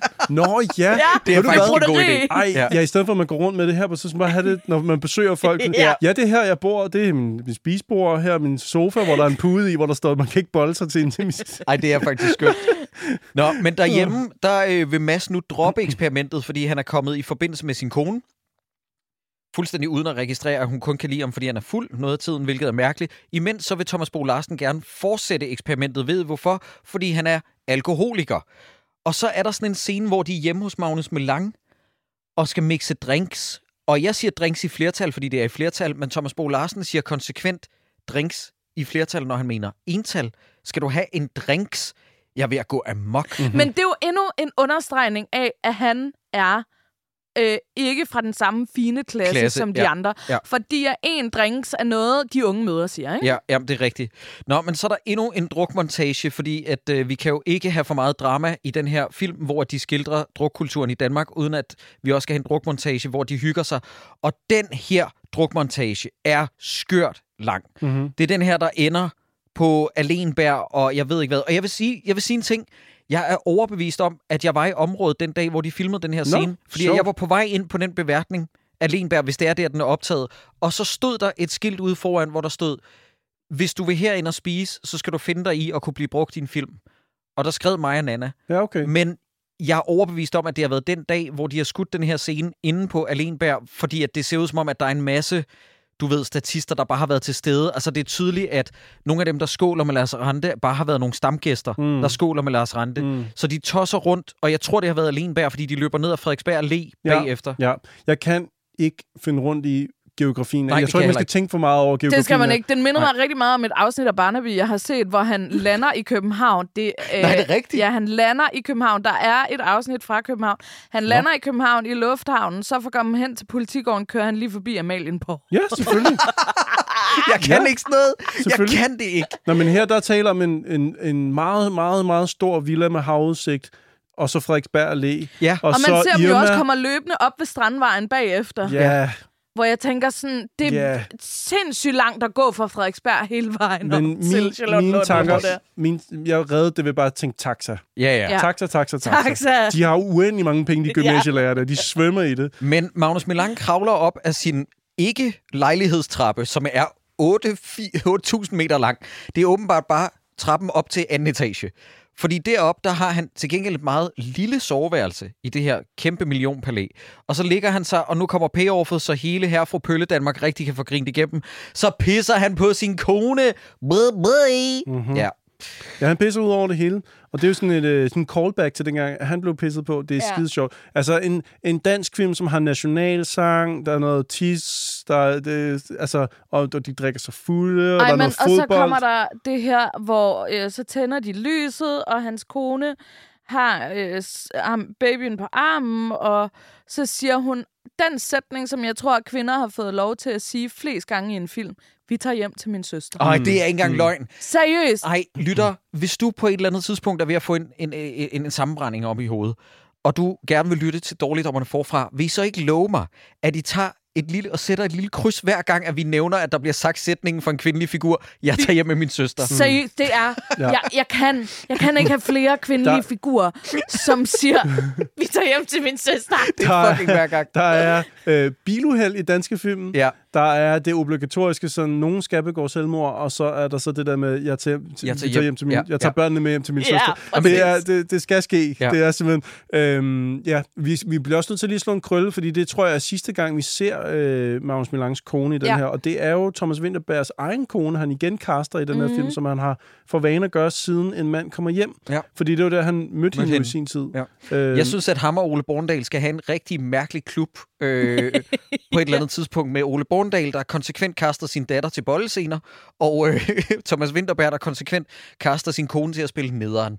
Det er super mærkeligt. Jeg tror også bare, jeg, jeg, jeg på det her tidspunkt i filmen, er jeg simpelthen så træt af den evindelige, ensidige fremstilling af kvinder. Mm. Det er, alle kvinder i den her film er bare pissesure hele tiden. Ja, mm. Jeg tror, du mener begge kvinder. Der er to. ja, der er to. begge kvinder i den her film. Ja, det er Er rigtigt. simpelthen Og, bare- og man kan sige, Tom, uh, Thomas Bo Larsens kvinde, altså Mette, som vi mm. aldrig ser, er jo også på en eller anden måde... Højst sandsynligt også sur, for hun er gået. Ja, kan man sige. Jeg ved ikke, om hun... Hun er nok... Lad os sige, hun har skrevet. Jeg gætter mm. på, at de er i hvert fald ikke sammen mere, så der er også sådan en vibe af, at nej, han snakker ikke med hende mere, hun er nederen. Og øh, Lars Randes figur bliver akavet, når han er omkring kvinder. Han kan ikke finde ud af at være omkring, så begynder han at rydde op, eller sådan noget, siger det. Han, han synes, at han bliver mærkelig af at have kvinder omkring sig.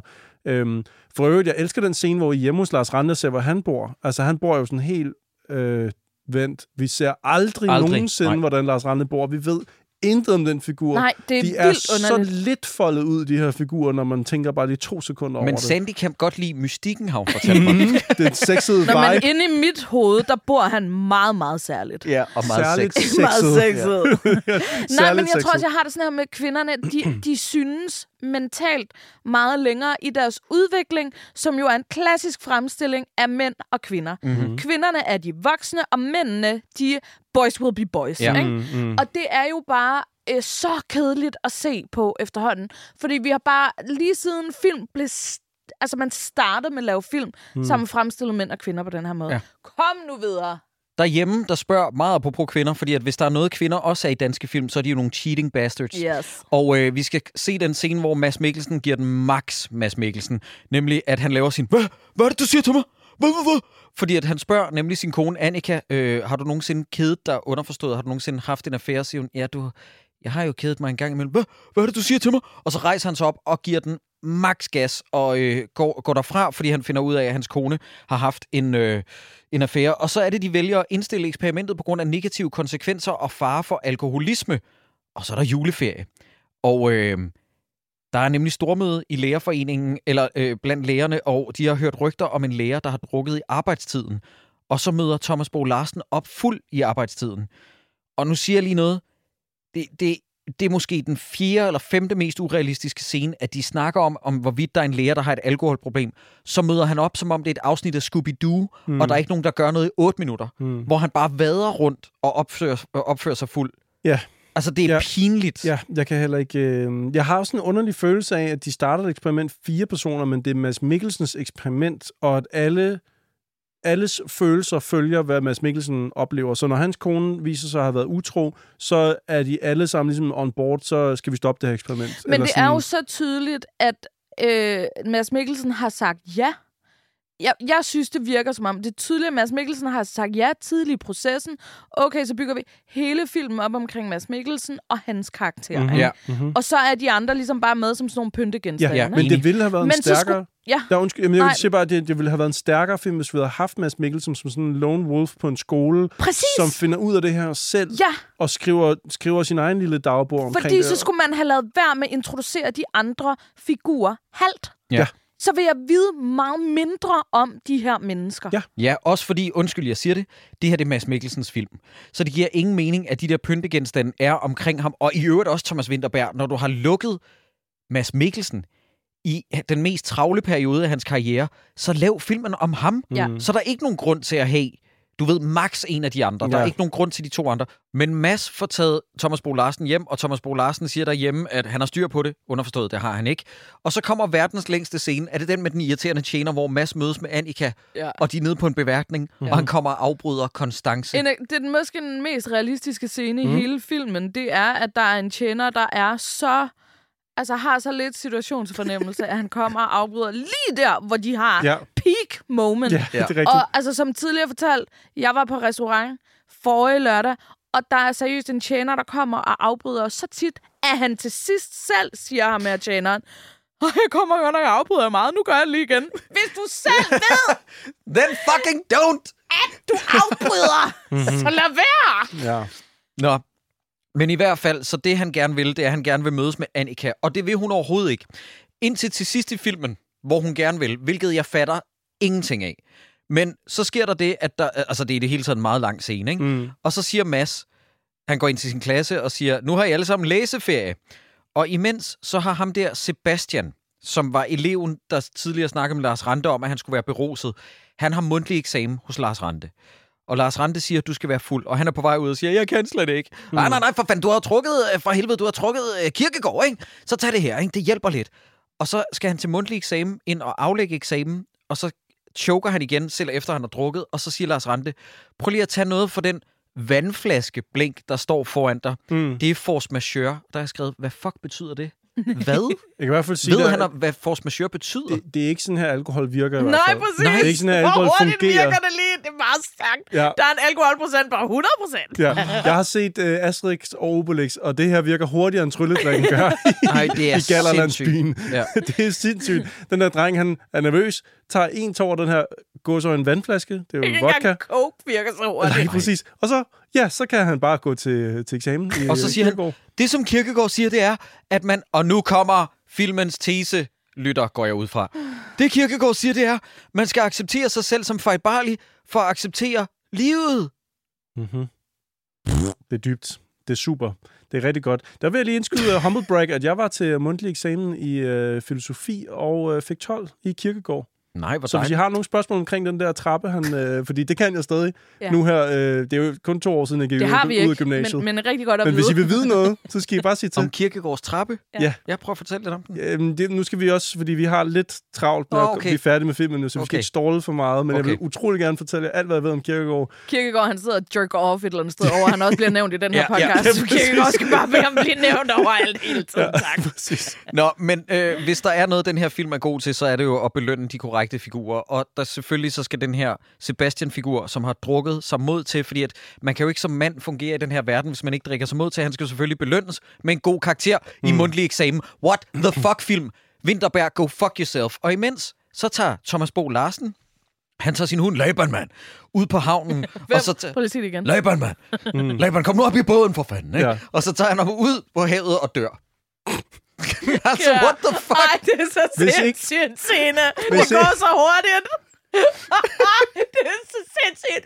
Okay. Okay, ud på broen. Op i båden. Død. Hvis ikke havde set den her film, Blink and you missed it. Du kunne gå ud og tisse, når du kommer tilbage, så er Thomas Bo Larsen bare væk. og jeg, jeg tror, jeg ville være sådan lidt, men hvorfor? Ja. Men han troede i sådan en båd, og så døde han. Ja. Ja, ja, men hvor, hvad, Og det er jo hvorfor? også en sindssyg eskalering fra, at at Mads Mikkelsen kommer hjem, og han siger, jeg har styr på det. Mm. Altså sådan, hvor han egentlig, man tænker, ja, ja, du er langt ude, men du er jo ikke sådan på ikke ram. Der er ingen, der har talt om, at han er selvmordstruet Nej, indtil nej. nu i filmen.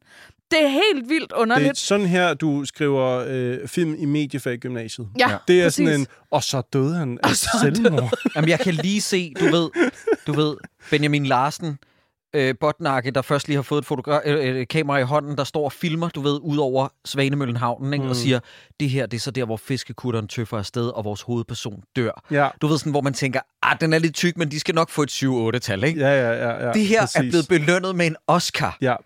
Øh, forresten, øh, Rante underviser i, Musik. så derfor har han Kirkegård som eksamens Det fatter emne, heller ikke en skid af. som jo typisk mere vil læne sig op af Milans psykologi eksistens. Ja, hvorfor er det egentlig ikke den figur? Det er et rigtig godt spørgsmål. Øh, Det er virkelig underligt. Ja.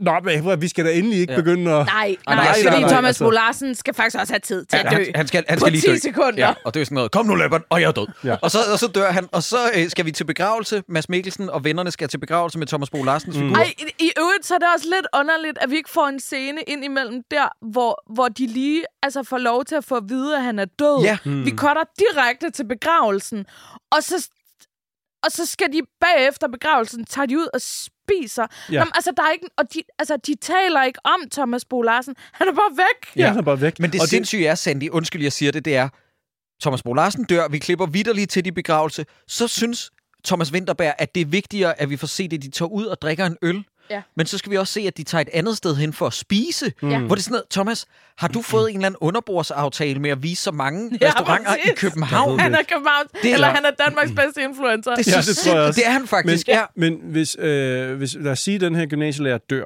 og der møder så mange mennesker op til en begravelse, som der gør. Der er rimelig mange. Der er forholdsvis mange, der kommer og siger farvel til Thomas Bo Larsens figur. Hvorfor er det så hans kollegaer, der primært er med til at bære kisten ud? Ja. Altså, hvis jeg gik bort, så ville jeg ikke umiddelbart tænke, at det var mine kollegaer, der bar min kiste Ej, jeg tror, du kan være ret sikker på, at det er Mads Mikkelsen og Lars Rante, der kommer ud. Okay, det vil faktisk være En lettelse! rimelig Det er en sindssygt. Sygeste move. Ja. Og alle, øh, min familie ville være sådan, What the fuck? Ja. what? Ja. Ja. Det er Mads Mikkelsen, politiker? Og så stiller de sig bare op og tager fat i min kiste. Bare sådan, Og vi andre, vi vil bare være sådan, ja, selvfølgelig er det Ja, det. selvfølgelig. Ja, det er Thomas det Bo. Larsen Hvorfor vil også komme. I? Sæt dig nu ned, mand. Ikke? Så, den her, Kom nu ned i kisten, mand. Ikke? Kom nu ned i kisten, Lægman. Han vil have Laban med. Ja, præcis. præcis. Nej, nej det, jeg, jeg, jeg har så mange spørgsmål. Det er det der lille miniput fodboldhold, han, han træner i sin fritid, fordi han er jo gymnasielærer, men han tager sig også små børn, når han er fri. Øh, ja, never mind. Ja. De Ej, som dukker op står i øvrigt og, ja, og synger uden for kirken til hans begravelse. nationalmelodien. Den, den sovser og rundt de i starter danskhed. jo et selv. Det er meget urealistisk, at så små børn starter selv Ja. og kan synge.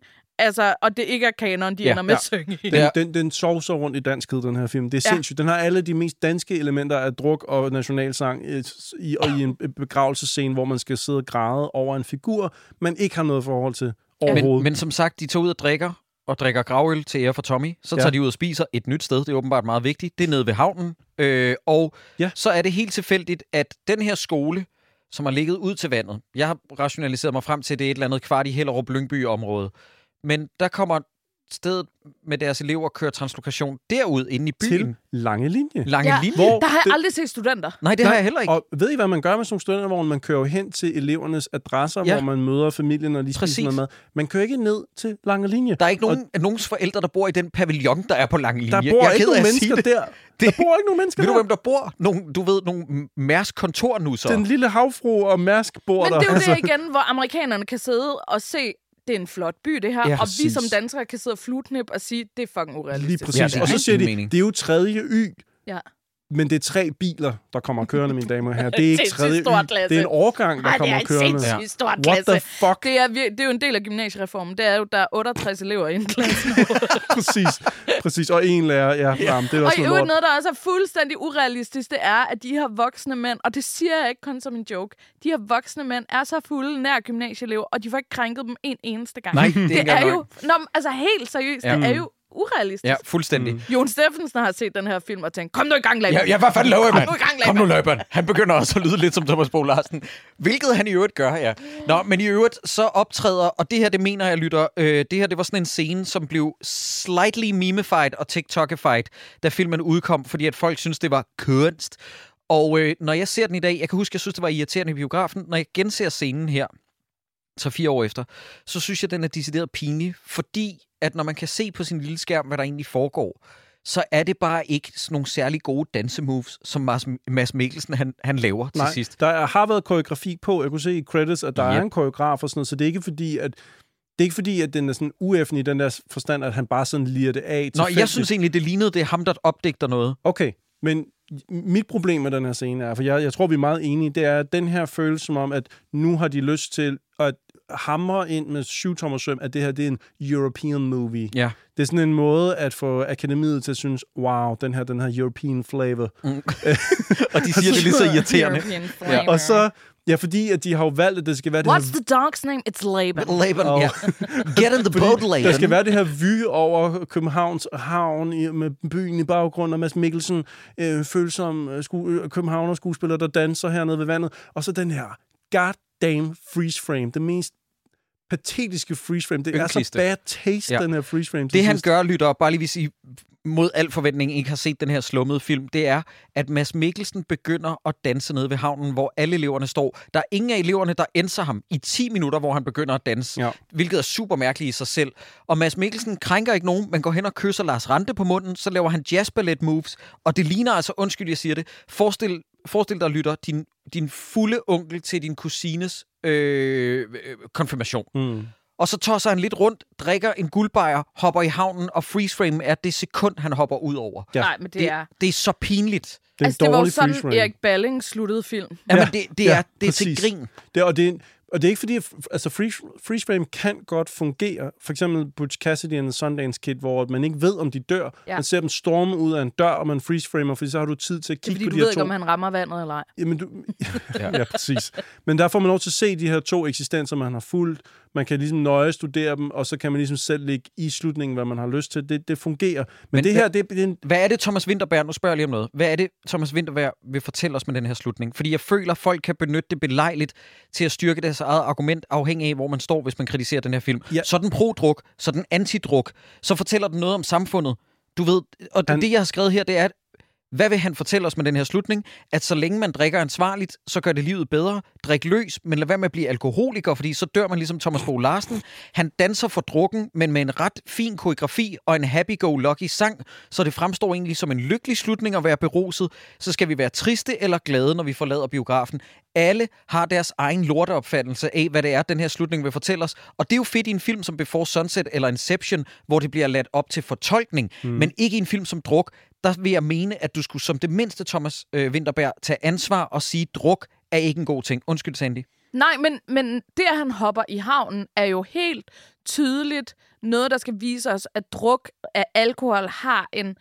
Øh, Opslugende effekt. Altså, ja, og en forløsende kraft. Mm. Han tør at hoppe i havnen, og han har været kedelig indtil nu. Mm. Ja, Så okay. i virkeligheden, så ender det, for mig at se, i en hyldest til alkohol. Ja. Fordi han begynder at få de her sms'er fra sin ekskone, hvor siger, at hun skriver, jeg savner også dig. Jeg savner dig Ergo, mycket. at, at hans lykke vender ligesom tilbage igen. Laban. Ja. Og han på den her måde, han springer jo ligesom ud i livet på ny, altså fornyet Ja, i præcis. den her dans, som alkohol har skabt for ham. Jamen, Ja. jeg er sikker på, at de har haft den her snak.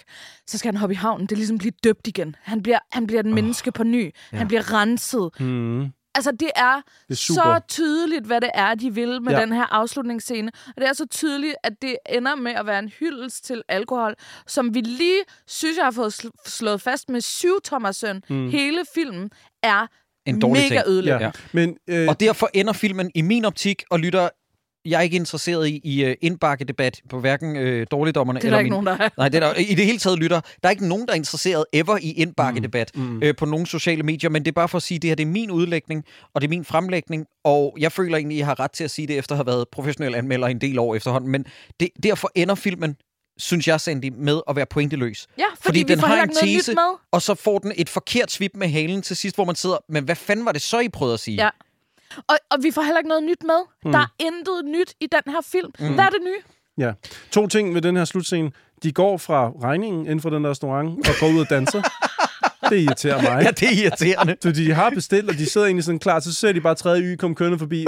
Og så går de fra, Ja, hvad de skal. Og det andet er, at I skal ikke begynde at dvæle på, hvad de der stakkels gymnasieelever har at lave i baggrunden hele den her scene, fordi de ved heller ikke, hvorfor de kørte ned til vandet. Nej. De er blevet bedt om sådan at stå og vrikke lidt, sådan, som om de danser til noget musik. Som ikke og er der, før at vi hører, Det- du ved, musikken komme Ja. ind på soundtracket med Scarlet Pleasure igen. Det er tokrummende at se stakkels gymnasieelever, som ikke helt ved, Altså jo, de har fået at vide, at de skal stå og feste lidt, men hvorfor fanden er de der? De Ja. ja. ved det ikke engang. De skal bare stå rundt om Mads Mikkelsen nede ved havnen. Det er jo kun fordi, der er en eller anden, Thomas Winterhør, der har... Øhm, der i sit hoved har haft en meget, meget smuk scene af Mads Mikkelsen, der skal Ja. ja. danse blandt unge mennesker. Ja. Men, men det er den Jeg ikke kunne lidt forestille mig, Sandy, at det er den scene, som filmen er udsprunget af, og så Ja. er resten skrevet omkring den. Det er sådan noget med, Mads, Mads, jeg er der. Ej, han, han mumler mere end det. Det er sådan, jeg er der.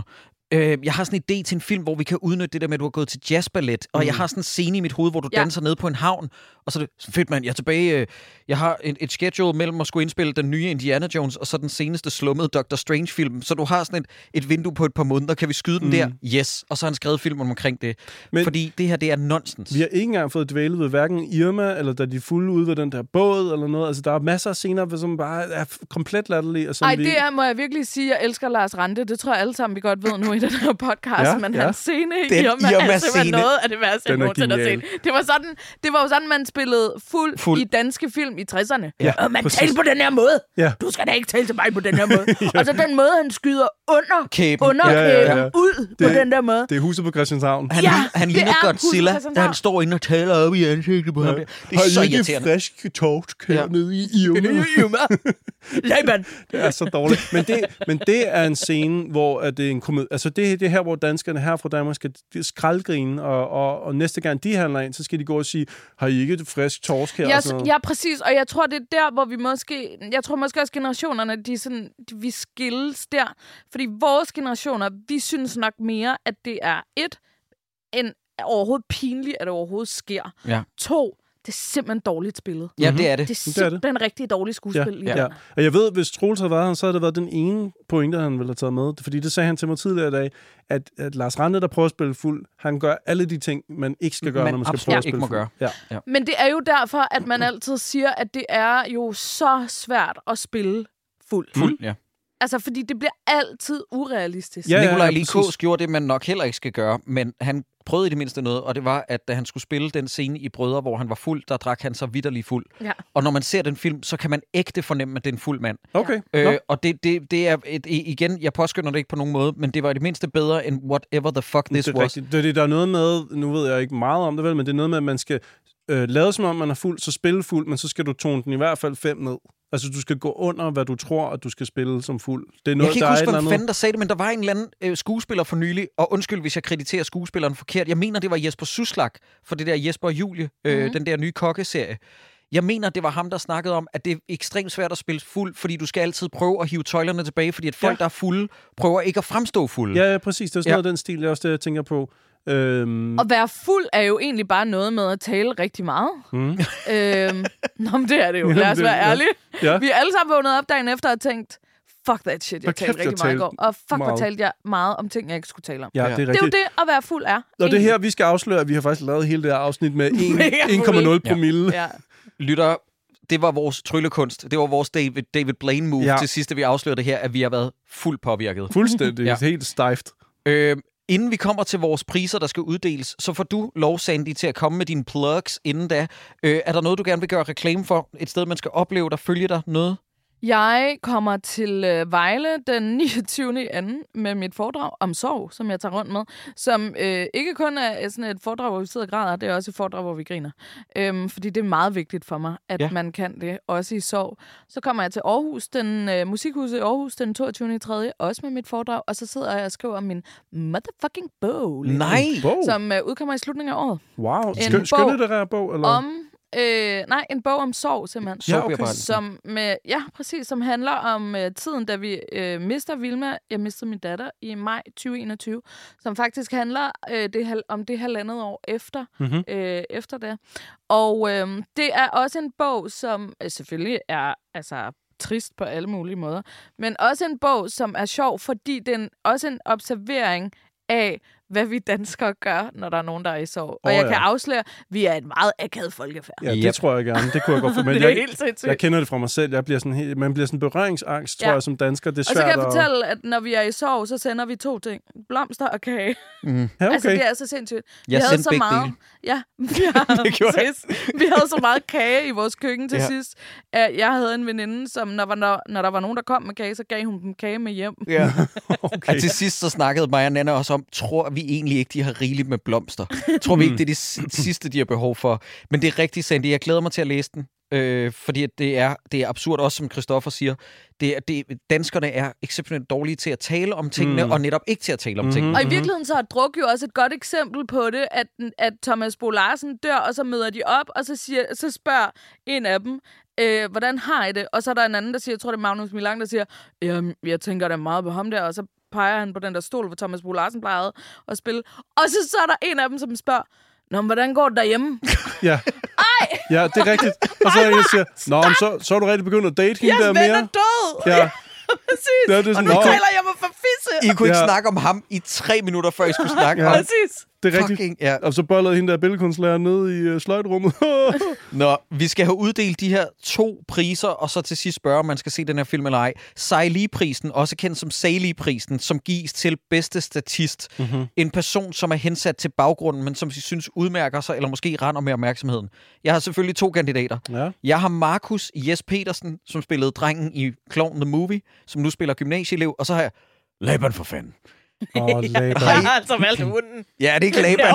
Jo. jo, Laban, Laban, Laban det er et godt bud. Det er, en, det, ja, det er rigtigt. Og jeg så at der var, har været en hundeinstruktør på. Altså, der har været Er en det hund, ja, ja, der har været en, som ligesom har taget sig af hunden. For faktisk, den der hund, den ligger jo ude på båden jo alene. Den er, den er på, Jamen, jeg kan slet ikke holde det ud. den Nej. har sin egen båd Ja. på et tidspunkt. Den sejler over ude midt på havet, og der Ja. har jo så været en instruktør ombord, som har, ligesom har sørget for, at hunden kunne ligge der på kanten af båden og sådan noget.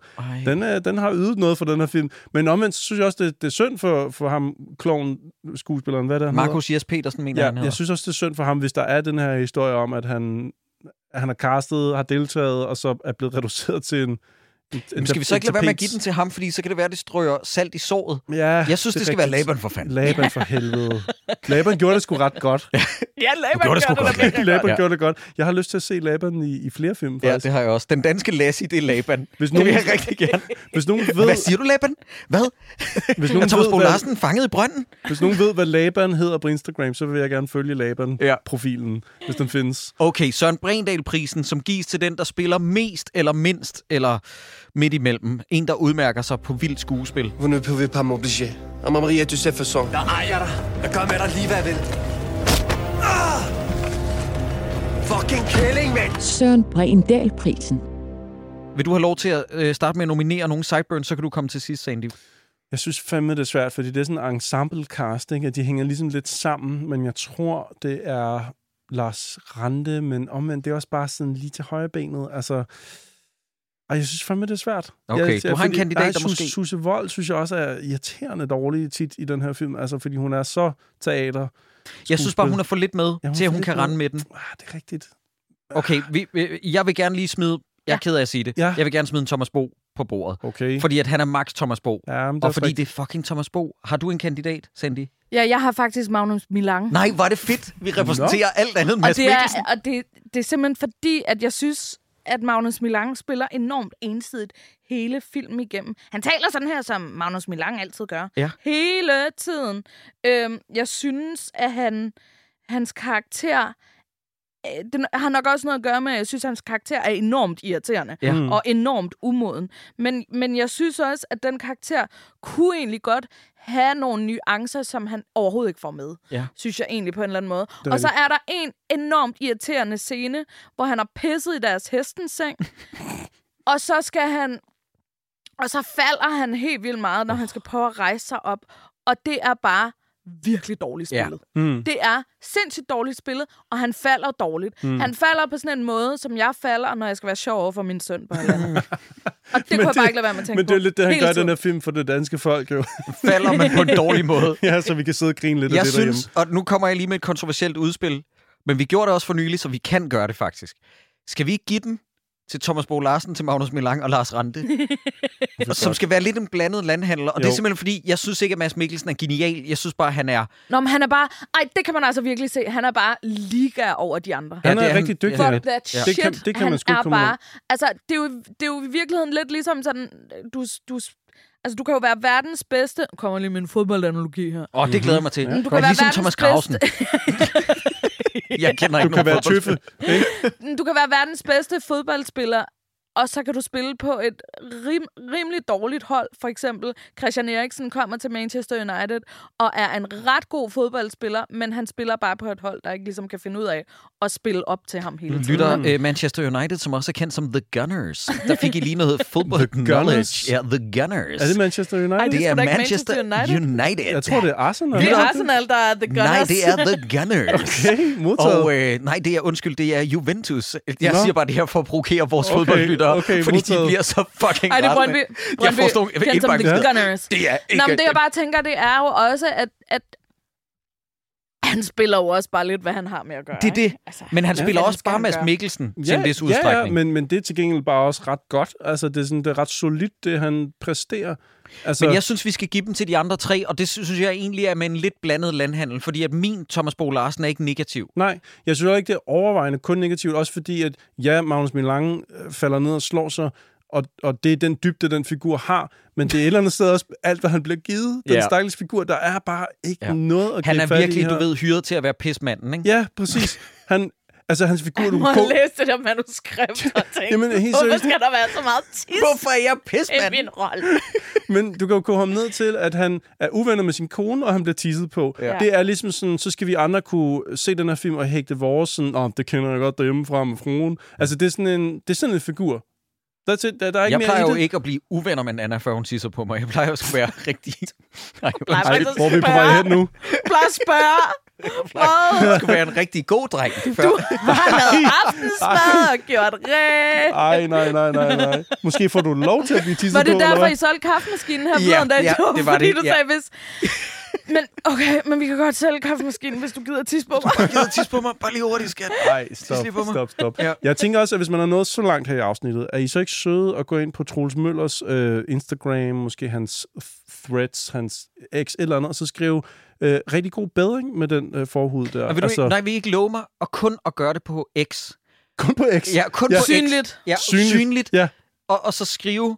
god øh, bedring med forhuden. Ja, øh, til, øh, hvad, god bedring med forhuden. Ja, eller, Ja. ja. ja. Eller, jeg har hørt, hvad der er sket med forhuden. Rigtig god bedring. Ja, jeg har, hørt, jeg har hørt det med forhuden. Rigtig god bedring. Og det er en lille, en lille snack til dem, der er nået helt her til enden af Ja. programmet. ja. Og, vi, øh, og vi- kun X. Fordi at det skal kun være den type bruger, der bruger X stadig, som skriver sådan noget. Ja, Ja. ja, præcis. Ja, og, øh, Også fordi, at hvis Troels ser det, så man bare tænke, Nå, der er ikke noget forandret her på X. Sådan er det til hverdag. Noget, jeg er blevet meget begejstret for inde på X, det er, at der er rigtig mange lækre ladies, som er begyndt at like nogle af mine fede gamle tweets. Åh, det er det fedeste. Ja, så jeg bliver mindet om, hvor sjov jeg var engang. ja, det er det bedste. Ja. hey, der var jeg også sjov. Det, Det er ligesom- var jeg også så sjov. Den eneste Så type, Leila Adams, der har kæmpe store madder. den eneste De- de type liker der liker ens De Insta-story, det er jo også tit dem, der har øh, et, øh, et dansk klingende navn, men kun har billeder fra Rusland øh, på deres Instagram. Øh, det, og det synes jeg jo er fedt, at det er dem, der går ind og liker en story. Nå, lytter, det har været en fornøjelse, og det mener jeg, Sandy. Tak fordi du gad, øh, du gad at komme og deltage Det var i det her. virkelig en fornøjelse. Ja, og det, her, det, har været, det har været længe undervejs. Men jeg følte også, at vi skulle udskyde det så lang tid som muligt, så at, at karensperioden ligesom var der, så vi kunne tage os af den. Jeg tror, Ja. hvis vi havde taget os af druk måneden efter, folk var blevet rasende. Mm. Jeg tror, støvet har lagt sig i til, tilstrækkelig grad nu, at folk godt kan se, okay, mm. så var det måske heller ikke vildere. Fordi mm. da jeg lagde den her story op, og jeg vil ikke nævne nogen navne, fordi det lyder så uklædeligt, hvis jeg begynder at name drop. Men lad mig bare sige det sådan her. Der var mere end en medieperson, der skrev min indbakke, jeg er rigtig glad for, at I tager jer den her. ja. Ja. ja, men det, ja, det er, det er lidt sindssygt, at den vandt en Oscar for bedste internationale film, og var nomineret for bedste instruktør, og også vandt den en BAFTA, eller var nomineret til BAFTA, det er sådan noget af den Ja. stil. Øh, det har jeg skrevet op Der her. var også Men- noget med manus, sådan som jeg husker det. Jamen, der, der er Jeg i hvert føler fald, også bare, at vi lever rigtig godt på, at vi er et lille land. Mm-hmm. Øhm, Og tænk, at der kan komme så stor kunst ud af så lille Så et stor land. kunst. Ja, lige Ikke? præcis. Lige præcis. Det er en BAF- BAFTA for Best Film Not in English Language. Det var, det var bare det. Ja, okay, helt Ja, klart. det vandt den. Så selv englænderne synes også, det var rigtig godt. Og der er no excuses der. Ja. Fordi de, øh, De har smag. de har faktisk smag. Ja. Ja, ja. De har Stephen Fry, Ja, og de har, de bare kunne have spurgt. de har Manchester, også kendt som The Gunners. Det var en fornøjelse. Vi er tilbage igen i næste uge med en minisode.